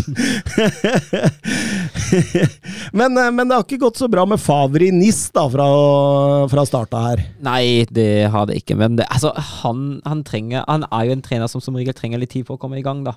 Mm. Så jeg tenker jo at det fort kan komme seg at han er jo Han er jo strengt tatt Altså, han er jo Han er jo egentlig en fagmann, og det var noe viktig å ta den en siste, siste seier nå mot Lill, i hvert fall. Eh, men, altså, jeg, jeg, jeg tror jo Altså, jeg tror ikke det blir, eh, det blir topp fire, eller noe sånt, men jeg tror at det blir en, eh, kan fort bli en ålreit-sesong for Niso, med Favre, når det har satt seg litt. Veldig spennende signeringer på slutten av vinduet der, da, med Nicolas Pepe, med Sofiane Diop fra, fra Monaco og Laborde fra, fra Rennes. Og det er, det jeg tenker jeg er spiller som fint kan passe inn i en sånn Favre-strøm i fotball. Mm. Helt klart. eh, Jeg, har tro på Favre. Jeg, altså, Ja. jeg har tro på at NIS kan, kan ta seg opp. Det er jo litt synd på dem. De fikk jo en liten smak på hvordan Lill hadde det etter at Mm. Galtier eh, forsvant der, men, eh, men Favre har hatt suksess der fra før av. Og, og kan nok få dette laget til å, Nei. å fungere. Øvre, halv, altså, nei, øvre tredje, det blir det i hvert fall. Så får vi se. Hvor, jeg tipper jeg i hvert fall. Så får vi se hvor langt det går. Og så er det dette Monaco-laget, da. Ja, det Ja. Hva har skjedd? Nok en gang, Mats. Nok en gang så kommer de skeivt ut, taper terreng og må jage gjennom sesongen sånn de gjorde det sist sesong. Ja, og så må de bytte trener, og så får de et løft, og så er de der igjen. Så det er eh, same procedure as last year, dette. Nei, altså, de har fått en litt rå start. De fikk jo selvfølgelig med seg et veldig bra poeng hjemme mot PSG. Um, men ellers så har det sett, så har det sett litt flatt ut. Uh, jeg tror nok dette Monaco-laget må, må begynne litt på nytt igjen av sesongen. Altså, de må starte litt på scratch igjen og, og, og starte å bygge igjen. Det er jo ikke for seint. Det jo, så vi jo i fjor, og de må bare begynne å plukke litt poeng, få litt god feeling. Nå har de fått, kommet veldig skeivt ut, eh, men de har materiale til å snu dette her. Så Ja, det, det, det, er, det er nettopp det. Altså, hvor mye har Chouameni-salget kostet dem? Altså selve motoren i laget sist sesong. Altså, Embolo kommer inn, han skårer jo knapt. Eh, Minamino vært en gedigen skuffelse. Ben Jedder målløs for fjerde kamp på rad. Altså, på midten strever de med Kamara og Fofana. Wanderson jeg kjenner han ikke igjen jeg fra sist sesong. Det er mye rart der, da. ja, men at, at Mbolo ikke er en spiller som bøtter inn i mål, det, det visste man jo fra før, da. Ja, det gjorde man. Men frustrasjonen begynner å bre seg også. Du ser sportsdirektør eh, Paul Mitchell kommer ut og tar et oppgjør med dommerstanden der etter eh, Maripans røde kort. og Nei, uff a meg, altså. Jeg er litt glad i Monaco, jeg, i alt det som Monaco har å tilby, og sted og skatteparadiset Ja, ja, ja, Ja, det sitter vel rett under et Monaco-sjef i studio. ja, ja. Så, det, så, det, så, så jeg er glad i Monaco, så jeg håper jo de vil, eh, vil, vil ta seg opp. eh. Em, noen spennende overganger av min Gori til renn. Jeg så ikke at den kom heller. Kom helt på slutten der. Den kom helt på slutten. Så, så, så Nis og Favre kvitta seg altså med Dolberg og Gori på samme dag. Ja. Eh, også Noah Holm Ja, er ja. eh, I Rem. Ekitikes eh, nye erstatter. Det er Den avtalen, jeg har lest litt om den, den kan bli luk lukrativ for Ja. Rosenborg. Altså. Holder bare at de holder seg, det, så er det hva var det, 30 millioner inn på kontoen. Ja, ved kjøp, kjøpsplikt, er det ikke? Jo. Ja. Veldig spesielt. Har ikke slått gjennom i Eliteserien, men skal selges for 30 mill. ja, det er jo ganske artig. Um, Bernt Olav Gjellegjerde Hansen, topp tre. Hvem vant overgangsvinduet i topp fem-ligaene? Bayern. Bayern har jeg på én. Jeg syns det overgangsvinduet til Bayern har både økonomisk Altså, de har jo klart å Har jo faktisk klart å få en del penger inn eh, for spillere som enten har ikke helt lyktes i Bayern, som uh, Rocca, Nianzo, uh, Richards og Richards uh, osv. Og solgt uh, en aldrende stjerne i Lewandowski for en god del slant til Barcelona, og samtidig henta inn eh, soleklare og store forsterkninger pluss gode talenter. Så Bayern står helt, helt øverst på hos meg, altså. Mm. Barca ble jo litt høyt oppe. Mm. De har henta mye, de har henta bra. Selvfølgelig kan vi diskutere det økonomiske oppi dette, her, at det ikke er så bra, men sånn rent sportslig så kommer de veldig godt ut av det overgangsvinduet. Jeg fikk litt sånn PSG inn her nå jeg, de siste par dagene. Roma òg Roma bør ligge ligger høyt bra. oppe. Høyt opp. Tottenham Arsenal fra England ligger bra an. Um, ja. Nei, Det var det, topp tre, da. Jeg tror ja, eh, det, er- men det er vanskelig. Altså, jeg jeg syns jo det er vanskelig sånn fordi det er så mange parametere. Pris, behov, ambisjon for klubb, måle opp mot andre ligaer. Det, det er veldig vanskelig. Ja. Altså for eksempel eh, Lyon har jo hatt et strålende vindu, brukt 8 millioner kroner og eh, euro. Og har jo fått inn strålende fotballspillere over hele linja. Altså han Lepenant kommer til å bli solgt for 50 om tre år. Så det er Ja, det er vanskelig å sammenligne, jeg er enig. Mm. Eh, Geir Halvor Kleiva. Nå glemte vi å senke Siri serie A-introen. Nå får du vondt i øra igjen, men det må du, det må du tåle. Du får det gratis. Eh, Sett opp en elver med nysignerte spillere det var mest troa på kommer til å gjøre det knakende godt for sin nye klubb. Ja, ja greit. Keeper? Pope. Nick Pope, Newcastle. Ja. ja. Den er jeg med på. Den er jeg med på. Ja, ja, jeg hadde Henderson, men når Ja, ja, du sa Pope, så Ja, Henderson har jeg som en, som en god nummer to på benken der, men uh, Faen, for meg Nick Pope. Ja, det var veldig, veldig bra. Å, det er jo strålende. Uh, Høyrebekk? Uh, da Den var helt vanskelig. Det var ikke så voldsomt mange høyrebekker som gikk, men men er jo nesten programforplikta til å si Berin, da. Ja, eller dest. Han fort slå gjennom i Milan. Ja, Men, men, men er det lov å jukse med Pedro Porro? Nei, jeg syns ikke det er et spillere som har blitt faste, som har vært i sine klubber før. Romero, for eksempel, og utgår også, tenker jeg. Ja. De har jo vært i klubbene fra før. Ja, enig. For Pedro Porro for 8 millioner euro, den er fin. Beirin Dest, er vi der, altså? Ja, Ja, altså, ja, Ja, ja. Det, det har ikke vært voldsomt mange Jeg sier, i hvert fall, jeg sier i hvert fall ikke Kevin Mbabo, det skal du tro. Nei, Da sier jeg heller Dest altså, til, eh, til eh, Milan. Jeg tror han kan passe bra der. Ja, det er det jeg sier. Altså, du Ja. får en ung Theo Hernandez på motsatt side litt. Ja. Da. Ja, ja, for all del. Venstrebekk? Sinchenko uh, er et godt tips, tenker jeg. Uh, Han passer jo godt inn i den spillestilen som Arsenal har. Jeg tror han kan gjøre det veldig, veldig bra. Kan jo også nevne uh, David Raum, Kokorea og Ivan Perisic i den debatten der. Ikke Raum, altså. Han sa det. Sa det. Ja, ja, men- i- Men han ville jo ha Han har hatt en svak start. Ja. Egentlig har Angelino vært bedre i, i Hoffenheim enn Raum i, RB. Jeg tror det har litt sammenheng med at hele Leipzig ikke har kommet helt i gang, da. Mm, Men Zinchenko syns jeg Jeg, jeg, synes, jeg, altså jeg hyller Zinchenko-kjøpet, altså fordi han er så artetask, og han er så lojal, og han er så eh, Altså, han kan brukes på midten, han kan brukes på venstreback, og, og eh, han styrker både på en måte tropp og elver, da. Jeg syns han ser veldig Jeg, jeg kan gå for Zinchenko, jeg, altså. For all del. Jeg stopper det. Da var det jo mye å ta av. Uh, De Licht. Jeg tror han kommer til å passe fantastisk godt inn uh, i Nagelsmanns og Bayerns spillestil. Men det, men det er på, ste, på tide å ta steget inn Ja, i det- det er verdensklasse nå. Det er det. det, er det. Men jeg, jeg, altså, og igjen, eh, vi snakket litt om det i forbindelse med, med Pogba òg. Nå må han, altså. Det er litt sånn den sjansen han får. Nå, nå er det tilrettelagt for ham med den spillestilen han har. eh, Med den spillestilen Bayern har. Det bør være hånd i hanske. Han får jo plassen sin litt gratis òg, for det er noe ledig der. Mm. Mm. Så han kommer til å få spilletid. Så Ja. Han må slå gjennom. Ja. Stopper toa. Ja, det er det mange, det er mange å ta av. Eh, Vi vi kan ikke se bort fra Rudiger gratis. Nei, ja, det det er Rudiger. Ja, Rudiger står på lista mi. Kondé står på lista mi. Uh, Han dyr. Hm? Han dyr. Ja, men det handler ikke om, eh, om beste. Neida, Det handler om neida, hvem vi neida. tror gjør det bra. Ja. Slåttebekka. Ja, han er også på lista mi. Altså, jeg har også Lisandro Martinez og Sven Båtmann på lista mi. Ja, jeg er fortsatt litt skeptisk til Martinez. eh. Jeg, jeg, tror, jeg tror på han. Jeg tror det kommer til å bli bra. Jeg, jeg, jeg, jeg går for Rudiger der. Ja, vi kan godt gå for Rudiger. Jeg Hva tenker du. Mats? Altså, han har jo starta med å bare sitte på benken, da. Eh, så han har jo, hvis det å få en god start er et argument, så har han jo ikke fått det. Men, eh, men jeg tror du vurderte dette her som litt at han kom gratis. Hvis, vi, dropp, kan godt hende. hvis vi dropper det Men han kommer til å bli god òg. Ja, men det kan godt hende han gjør. Men hvis du dropper det argumentet, da tenker du fortsatt Rudiger, liksom? For jeg tror det at eh, de ender opp med mye Alaba Militao i år. Ja, ja. ja. Jeg, jeg er fortsatt litt usikker på, på Kondé òg. Ja, men jeg tenker jo Slåttebekk, jeg, da. Jeg tror han kommer Ja, til å bli ja. bra, liksom. Ja, vi kan Jeg gjøre kan godt si Ja, Slåttebekk. For all del. Ja. Slåttebekk, fin den.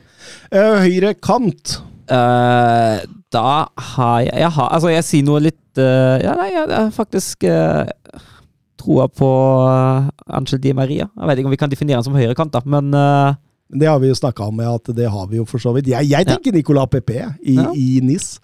Jeg tror han kom Han var jo strålende for, for en Ja, ikke I si. Arsenal, i hvert fall. Nei. Men jeg tror han kan finne tilbake til seg sjøl. Han åpna jo strålende her også, under Favre. Og jeg tror han er en sånn Favre-spiller. mm. Så jeg, jeg, Ikke, jeg ikke Rafinha, altså? Jo, jo. Men, det, men der er igjen det der luksusproblemet til Barcelona, da, som er litt sånn hvor, hvor mye kommer han til å spille av det? Jeg er litt usikker. For jeg tror også han, etter litt tilvenning, kommer til å bli fantastisk. Nei, eh, vi kan jo ta en avstemning. Vet du hva, for, altså, jeg kan fint være med på, på alle tre, egentlig. Ja, Bra stemme du ga der, da. Ja. Ja, og jeg kan også være med på alle tre, så da, da kan du bestemme. Da blir det Nicolas Pepe. Eh, Venstrekant. Sadio Mané. Ja. Selv om han eh, akkurat nå spiller litt mer spiss i Bayern, men Sadio Mané. Eh, sentral midt nummer én. Chomini. Den er grei. Det dominerer midtbanen i ti år. han. Ja. Og den andre er Ruiz. Nei. Her har jeg Ha inn Bizuma. Nei, jeg skal ha inn Enzo Fernandes Ja. i ben Benfica. Ja, okay. Han har åpna så inn i gamperæva godt nå! Han, er, han, han styrer dette allerede etter fire-fem kamper. her. Skal vi ikke holde oss til topp fem-ligaene, liksom? Eller? Eh, Det var sto ikke det i spørsmålet. Da kan jeg slenge inn Marius Lundemo. Kommer til å bli, knall, til å bli knallbra i Nei, men Enzo Fernandes han, altså, vet du hva, dere, dere, Ta se en Benfica-match! Ta se en. Ta, ta, ta, i- nå spiller de Champions League nå. Mm. Bare følg med, og så følg med på han der. der. Dere kommer til å bare tenke uh, Dette er her. Da- Jeg har i hvert fall lyst til å nevne Ballon d'Or-vinner. hvis, Altså. hvis, vi, hvis, vi får, hvis, vi, altså hvis vi nevner Hvis vi ikke går Hvis vi går utenom topp fem, har jeg også lyst til å nevne Xavi Simmons. Som har starta strålende i PSV. Han har vært, uh, eh, han har vært enorm også. Mm. Ja, han har faktisk vært knallbra. Ja. Så jeg stemmer for Xavi Simmons. Nei, jeg kan fint være med på Nei, for det, her, her, har, her har programlederen bare bestemt seg. Så sånn er det.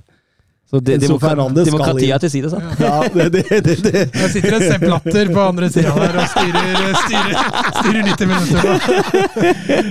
Angrepsspiller nummer én. Uh, Erling Braut Haaland. Ja. Den er, den er kanskje mest selvskrevne her. Nei, det, det er en til som er ganske selvskreven, og det er egentlig Robert Lewandowski. Ikke Aubameyang? Darwin Nunes. Ja, han står på lista mi òg, men uh, hvis, vi, hvis det gjelder de som vi har mest troa umiddelbart, er det Haaland og Lewandowski. Ja. Uh, jeg har altså Nunes, Lukaku og faktisk Sasa Kalajdzic på lista mi som en outsider. Det blir spennende å se han i Wolverham. Ja, jeg, jeg er spent på det, men jeg har troa på ham, altså. Men det blir spennende å se. Han må tilbake på det nivået han hadde i 2021-sesongen. i så fall. Enig. Eh, Steffen Hansen på Twitter. eh, PSG intervjuet Roma, Milan, Besiktas og Monaco og Marseille. Har fått store bøter for ikke å opprettholde eller overholde FFP. Bør det ikke snart sterkere virkemidler til? Hvis rike klubber kan kjøpe seg bort fra FFP, er vel FFP strengt tatt unødvendig og kun en ekstra inntektskilde for Uefa? Ja, jeg er helt enig med ham. Eh, det som er jo problemet der, er at eh, de sterkere virkemidler som han beskriver, det er jo utestengelse fra internasjonale turneringer. Uh, dermed devaluerer Uefa sitt eget produkt, for det blir mindre interessant eh, når større klubber, eller store klubber, ikke er med. Og derfor kvier Uefa seg voldsomt med å gjøre det. Men jeg er helt enig med ham. Eh, 100% Stiller meg 100% bak. Altså, det nevnes i denne artikkelen så jeg at PSG ble hardest straffa, men likevel, altså. De får 10 millioner euro i bot og 65 millioner euro hvis de ikke fyller ut diverse krav. Det, det, det ler de jo av, da. Ja, ikke sant? Altså, det blir jo som om jeg Ja. mister en tier på Ja. bakken, og så ruller den for langt, så gidder du ikke å bry deg, ikke sant? Nei, ja, men Går du med mye cash nå for tida? eller? Nei, men det Billedlig sagt da, Mats Skravl. Nei, det, det, det Og, og, og det, Uefa er vel ikke sånn, de kan vel ikke straffe klubbene med registreringsnekt og sånne ting. Det må jo forbundet gjøre sjøl, så da, da er jo det å nekte deltakelse i Europa, da. Den, den sitter nok hardt inne, så pressa de er fra Superliga og alt det, Det der. kan de gjøre, da. De kan jo nekte klubbene å, å, registrere spillere for Champions League. Men igjen, da er vi igjen på det nivået at de devaluerer sitt eget produkt. For plutselig, hvis, hvis ikke Messi eller Lewandowski eller hva vet jeg får lov å spille altså det, det, De mister jo interesse rundt det. Jo, men laget er fortsatt med. Ja, men fortsatt. Altså, det fins jo, i, i hvert fall nå i 2022, fins det jo faktisk folk som går rundt og bare ser på kamper pga. enkeltspillere. Hvis den er stor nok stjerne. Det fins det. Det fins det. Haaland, Haaland, Haaland. Ja, jeg gidder ikke å se på City hvis ikke Haaland spiller, faktisk. Det er riktig. Ja, vi, det, det vi da spiller de ikke så fin fotball. Nei, Nei, via, Viaplay vil jo ikke ha studio i det Dortmund-kampen heller, der var han skada. Nei, det husker jeg, ass. Det, det. Nei, helt sykt. Europahjørnet. Bra jobba, gutta! Bra ball! Nei! Ah, grei offside. Tor Håkon, den er grei. Tor Håkon! Nei, Tor Håkon, det var din egen skyld. Ikke bli sint for det, i hvert fall. da. Tor Håkon, ikke kjeft på dommeren. Og ikke kjeft på dommeren. Tor Håkon, nå hører du på dommeren. Det er hver gang, altså. Ja, og nå har jo Mats Granvold fått LSK inn i europahjørnet her. Han har faktisk fått et par spørsmål også fra Anders Hansen. Eh, forventninger til derbyet og meninger rundt fuglas overgangsvindu. Eh, forventninger til Derby, det er minimum U. Ja, det er for meg òg. Jeg tror jeg- jeg taper, jeg. Jeg blir jævlig skuffa hvis tap, men det er klart formkurven til Fugla siste kampen har jo vært grusomme. Men de har jo alltid heva seg når de har møtt gode lag, da, så det er jo lov å håpe og tro og, og be til høyere makter om at dette, går, eh, at dette glir. Men Mm. eh, formkurven til Vålerenga og formkurven til Lillestrøm, den, den har kryssa hverandre nå, så Det føles ikke bra. Nei, Det gjør ikke det. Nei, gjør ikke det, altså. Når det gjelder spillekjøpa, så var det en kul siste dag. Fikk inn Elias Solberg, stortalent fra, fra, fra Jessheim, som har vært en om, omvei i Juventus. Blei altfor mye skada til at han eh, fikk noe særlig tid der borte, så bestemte seg for å hente til å gå tilbake igjen. Og det, det kan jo bli en veldig interessant overgang på sikt. Kult. kult. Fireårskontrakt, det er moro. Og, men han har jo vært mye skada de siste åra, så det, det er litt avbred der. altså. Det skal bli spennende å se. Og så fikk de med inn Fikk de jo inn en ung eh, stopper fra Elfenbenskysten eh, på lån. Eh, ut sesongen, så får vi se. Var det han, jeg tror det var han som var fetteren til Ogbu. Mm. Han som hadde trent med juniorlaget og Ja, ja, ja. Og det, men det går jo litt Altså Nå har de leid ut Slørdal, eh, så de er veldig tynt besatt på stopperen. da. Eh, Petterson er skada. Slørdal kan tilbakekalles nå som Heidstad. Hvor er det han gikk? Er det Sogndal? Sogndal. Sogndal. Eh, så de er litt tynne. Tilbakekaller han fra Sandefjord, og så sender han til Sogndal. Uh, Ja. Spesielt. Og så eh, Nei, så vi får se Petterson er ute litt nå. Så, og så Lene Olsen tilbake igjen, selvfølgelig. Er jo, er jo klassesignering. Eh, og så får vi se, da. Fredrik Gulbrandsen trener jo fortsatt eh, med Lillestrøm. Eh, det sies jo at han venta til overgangsvinduet stenger, for da blir jo interessen for disse klubbløse mye større. Mm.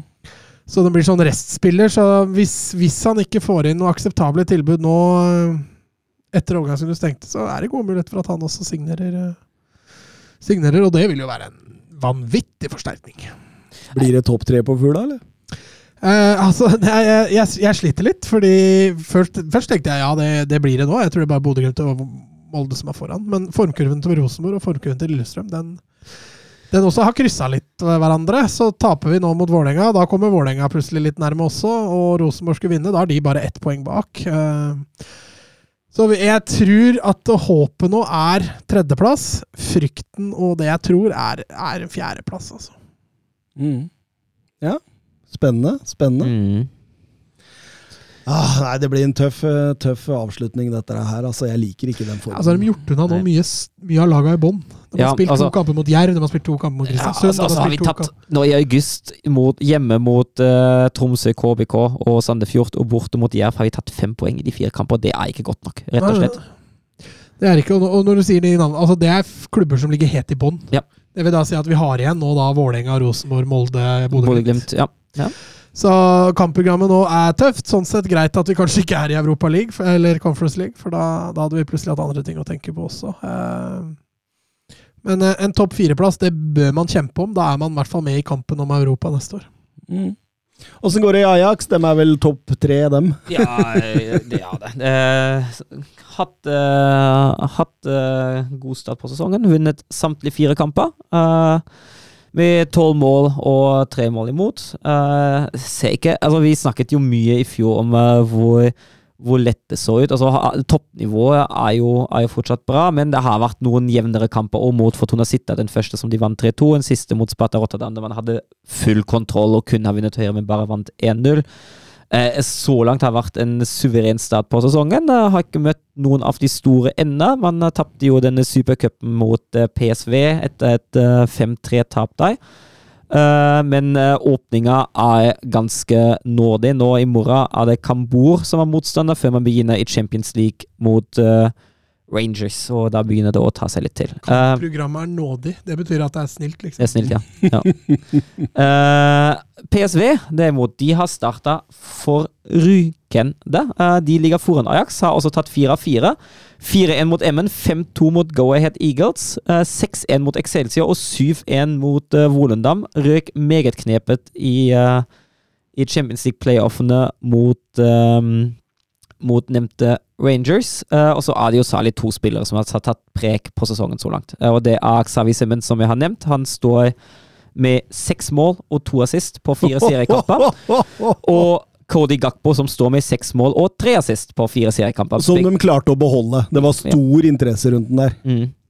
Spiller fortsatt i PSV. Jeg har ikke fått med meg at det var en eh, last minute-overgang i går, i hvert fall. Nei da, nei Så da. han, eh, han er nok i PSV.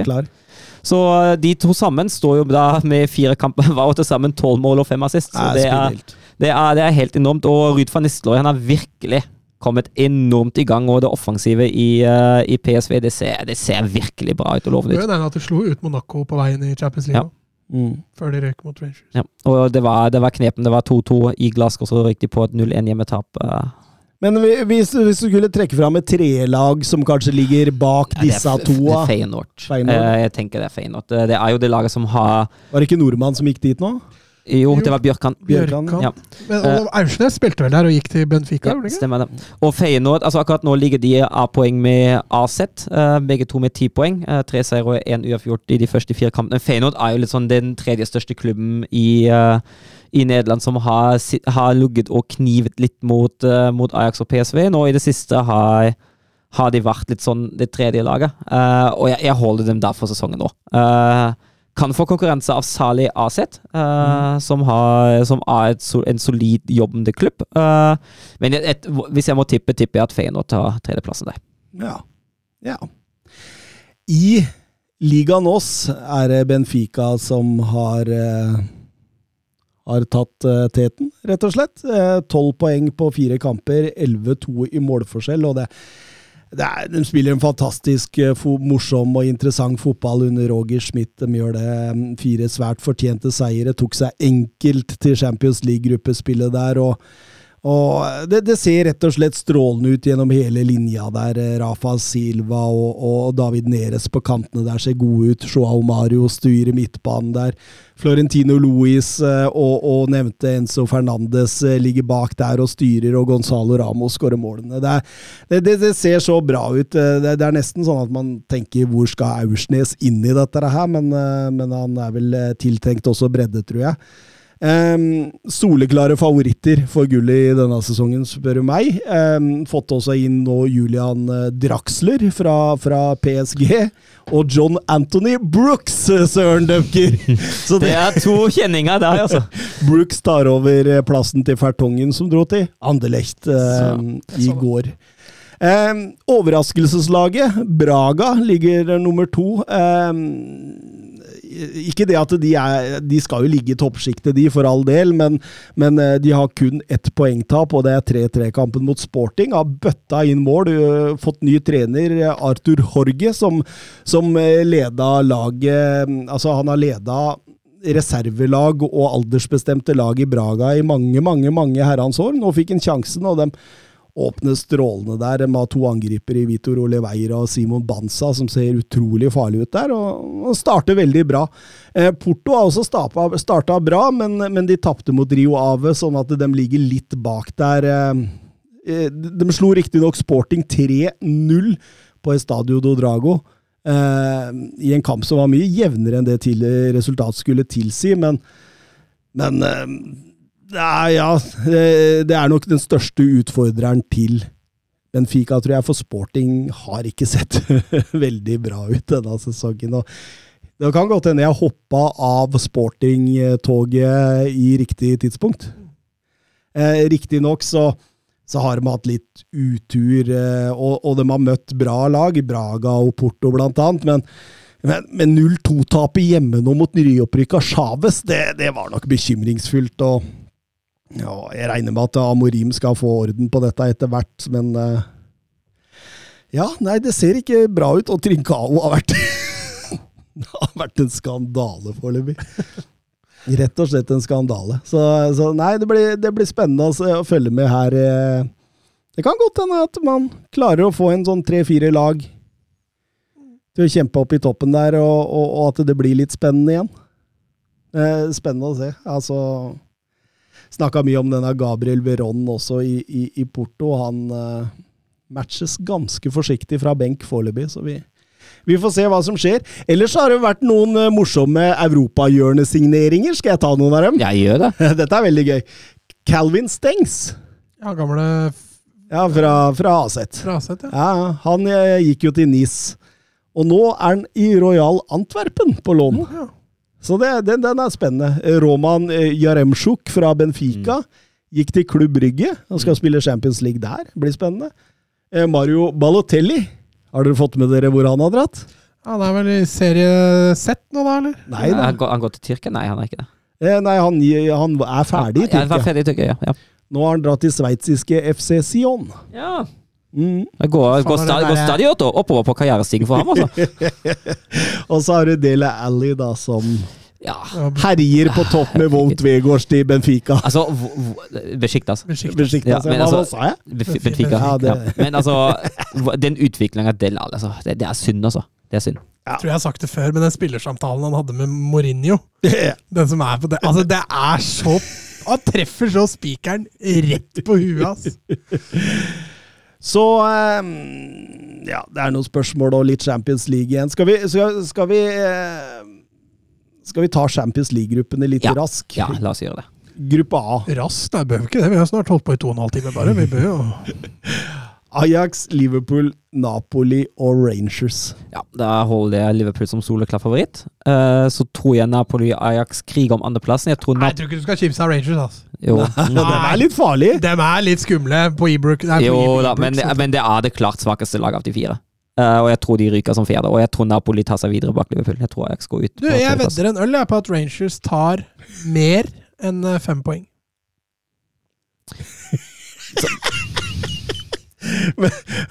Med en fem, altså seks over. Med en fem. Ja. Ja, det er greit. Med en fem. Det, jeg, jeg, Ja, holder fra ved, seks over. ja, jeg holder ved det målet. Det er greit. Oi, oi, oi, oi, oi. Da må vi huske at i episode 165 så finner vi tilbake det veddemålet. Så, så er jeg Nei, jeg sa ikke over fem! Jeg sa fem! ja, det var fem! Det var over fem. Ja, det var over fem. Ja, Seks eller mer. Ja, ja. Så altså, er jeg jo nok litt prega fordi jeg, jeg heier på Celtic, men uh, ja. Ja, du heier på, du heier er på, det du heier på. Ajax òg. Du har fått litt hjerte i Ajax òg. ja, det har jeg jo. Men jeg tror fortsatt Ajax ikke tar seg videre fra den gruppa. Eh, gruppe B. Porto, Atletico Madrid, Bayer Leverkosen og Klubb Brygge. Der var det Den er, den er fin. Den er Ja. fin. Uh, Ta den en gang til.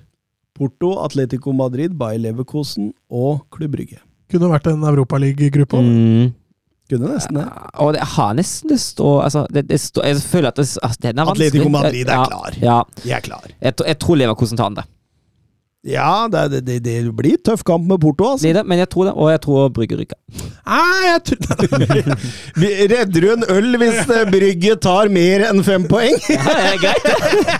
Jeg er med på det. Da får du vedde med Thomas. Gruppe C og, og den såkalte dødens gruppe. Ja. Bayern München, Barcelona, Inter og Victoria Pilsen. Ja, den er jo, altså Stakkars Victoria Pilsen. Det der bildet med Det er så hysterisk morsomt. Den jeg sendte. Ja, jeg så det jo på Twitter før, da, men eh, ja. Det står eh, tre svære karer foran hun lille jenta bare sikler over. Og alle har klubblogoen til. Og hun har Victoria Det er helt nydelig, ass.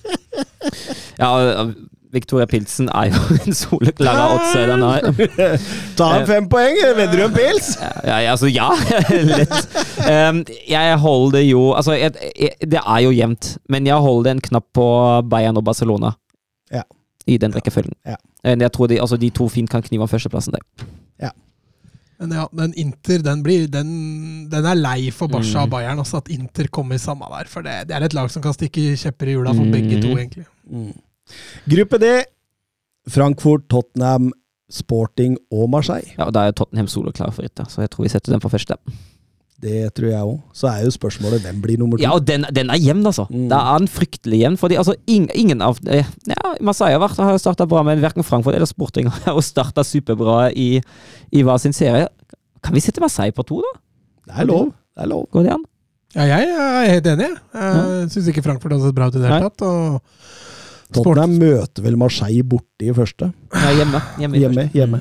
ja, det blir jo en liten pekepinn, men det, det er en kamp alle de skal tape, så Mm. Eh, send Frankfurt på tredje og Sporting ut. Ja.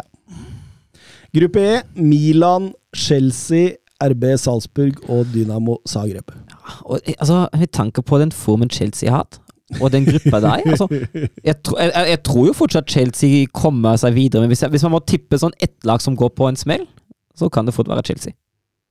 Ja, vi får jo et spørsmål der seinere, så hold Mm. den. Men Mm. eh, Chelsea og Milan er vel favoritter. til Ja, de er det. Definitivt. Eh, Gruppe E. Real Madrid, RB Leipzig, Schalke Nei, Sjaktar, mener Å, Schalke! Det, det, det, det, var, det har vært noe. jeg.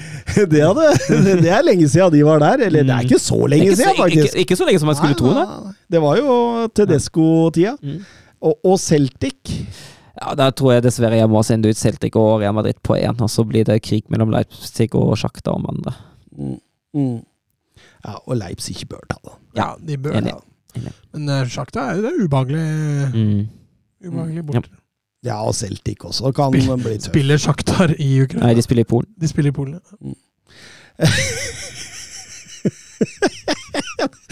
Det var et, eh, et ærlig spørsmål. Eh, Gruppe G. Eller? Litt, litt dødens gruppe over den gruppe DG òg. Ja, den er tøff. Eh, City, Sevilla, Dortmund og København. Nå er jo ikke Sevilla Nei. det Sevilla var, sier jeg. City, City på topp, da. Det er Og, solid. og, og København ut. Ja, men jeg tror Dortmund er ganske klare nummer to akkurat nå. Eh, og jeg tror Kjøben-Sevilla, det blir jo faktisk like hard kamp, det, egentlig, som alt annet der.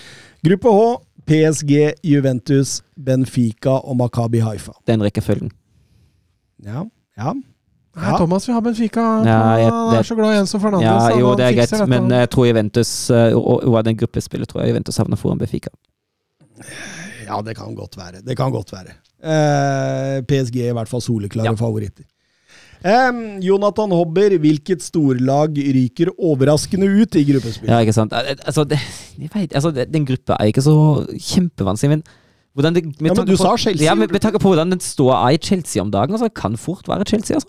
Kan jeg svare Napoli, eller? Er det et storlag? Ja, ja. Ja, men at Rangers går videre, liksom? Men, eh, men overraskende står det. Det må være overraskende. Ja, men At. Rangers går videre istedenfor Napoli, er ikke det overraskende?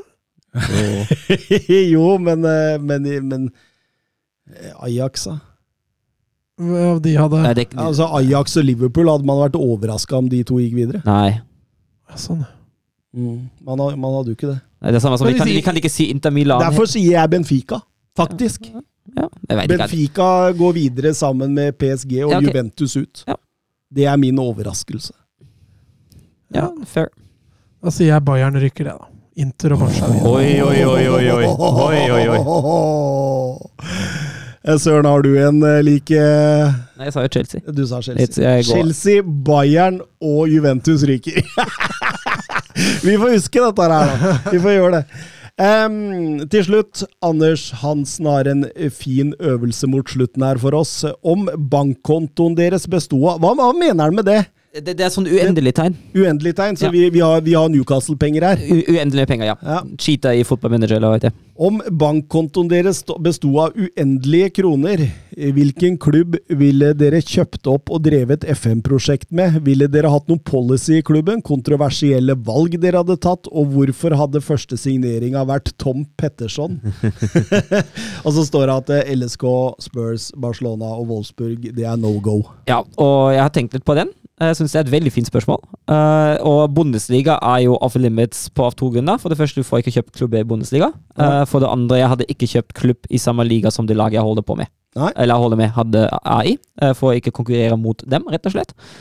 Jeg tenkte litt på det, og jeg har egentlig lyst Altså, jeg har jeg er jo litt sånn, jeg er jo interessert i, i historie og kultur og alt det der, og da har jeg pekt meg ut en klubb som, eh, hvis det som har gitt, eh, det hadde Fulham. For jeg er fryktelig glad i Craven Cottage. Jeg syns det er et fantastisk stadion. Mm. Uh, og få Fulham uh, til å etablere seg uh, på sikt i, på toppen i Premier League, det, har- det har vært et eh, fantastisk prosjekt. Det er gøy. Det er gøy. Men, men, men eh, åssen policy hadde du hatt i klubben? Nei, altså, jeg hadde, altså det er jo det er jo det Kampen om talentene i London, den, den, er- den er den, hard. den er tøff. Den er high. Den er hard. Den er. Men da, da tenker jeg også at er, en, av, en av policyene skal være spilletid til unge spillere. Eh, rett og slett Bygge opp et rykte som f.eks. Dortmund har. At uh, Hai får de unge sjansen, rett og slett. Og komme med det ryktet og kunne trumfe mot de andre London-klubbene med, med spilletid. Uh, en klar spillefilosofi. Uh, og det enkleste har jo vært å, å kjøre inn en eller annen eh, klopp gegenpressing-stil, eh, rett og slett. Med noen rød tråd i, i spillefilosofi fra eh, de yngste lagene på ungdomsavdelinga til, eh, til A-laget i Premier League. Mm. Du kunne jo åpna en Volkswagen-fabrikk rett i nærheten. Altså kun ansatte der som får lov å komme inn og. Nei, nei, det hadde jeg ikke. Men, men, men kontroversielle valg, det hadde du ikke tatt. Jeg tror ikke Altså, det, det jeg hadde gjort, eh, er at jeg hadde, Du hadde hadde sparka mange trenere, det hadde Det du hadde gjort. garantert Det, men, gjort. det, det, det, altså, men jeg hadde ja, det, det, kanskje, altså, det er to ting jeg hadde gjort. Det ene er jo at jeg hadde Han hadde jo ikke ansatt Kovac. Nei, jeg hadde ikke det. Men eh, jeg, hadde, jeg hadde kjempet eh, for ståplasser eh, voldsomt, og hadde bygget en tribune med ståplasser. Hjelper jo ikke det når det ikke er lov. Nei, men, Uh, Du kan ikke bygge en tribune du ikke får brukt. nei, men jeg har kjempet for dem. også. Han hadde stikket penger i lomma på de som kunne ha han og Sepp Blatter, vet du. Det er gutta, vet du. og så hadde jeg senket billettprisen noe voldsomt. Ja, fordi du trenger jo ikke penger. Nei, og så og er jeg jo Jeg kommer jo fra en, eh, fra en fotballkultur der fotball er noe som skal være tilgjengelig for alle. Ja, fint, fint, fint. fint. Mats, har du et eh, lag? Altså, Jeg måtte tenke litt, da, for jeg har lyst til å ta over et Jeg, jeg er ikke så størt takk over et lag i, i, i Premier League, for da begynner du jo på toppen. Ja. Ik ikke helt på toppen, da. Så jeg tror jeg hadde tatt over et lag mye lenger ned, som har, har eh, historie, Ja. men som du skal bygge fra bånn. da. Mm. Og da tror jeg, altså Det fins jo mange tenkte Blackburn, det blir kanskje litt cheat at jeg skal ta dem. Eh, Så kanskje Crew Alexandra. Ja. Uh, spiller nå på League One. Ja. Uh, har uh, ingenting. Så her er det snakk om å bygge klubb fra scratch og gjøre om til toppklubb. Eh, og så gjøre litt sånn som Newcastle har gjort, sånn i forhold til oppbygging. Ta det sakte, men sikkert. Eh, du kan ikke ansette Du kan ikke ansette Guardiola første sesongen i League, League One, det går ikke. Så du må jo du må jo ansette og hente spillere deretter, og, og så bygger det sakte, men sikkert opp til å, til å kunne ta dem helt opp. da. Litt sånn du gjør i Gjelleråsen nå, eller? Eh, jo, men da nå, eh, eh, Gjelleråsen nå, så har jeg jo ikke uendelig med penger, og jeg er assistenttrener, så jeg har ikke så mye makt sånn sett heller, så det blir, det, det blir litt annerledes, ja. Ja, jeg skjønner det. skjønner det. Eh, Jeg tenkte Valencia, jeg.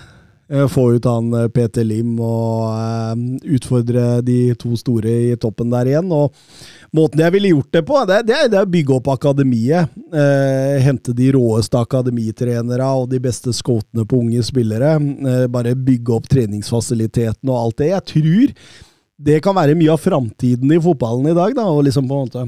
Ja, I hvert fall hvis du ikke spiller i Premier League. Ja, ja.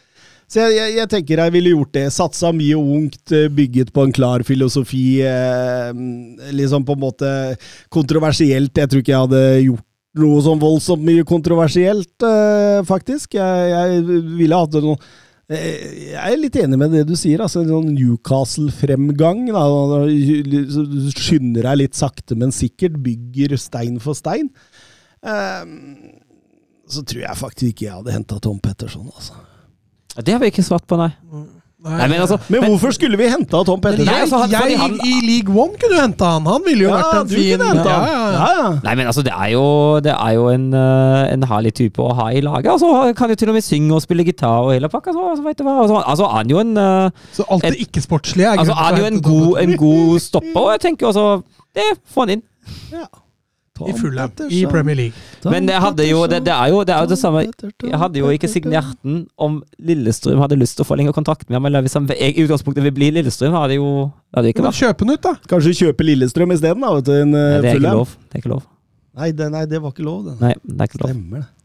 Og altså er jo Du veldig kjøper Strømmen, da. Eller Gjel- Gjelleråsen. Ja, kjøp Gjelleråsen, da! Hvis du gjør han til hovedtrener. jeg er jo veldig glad i medlemsdemokratiet, da.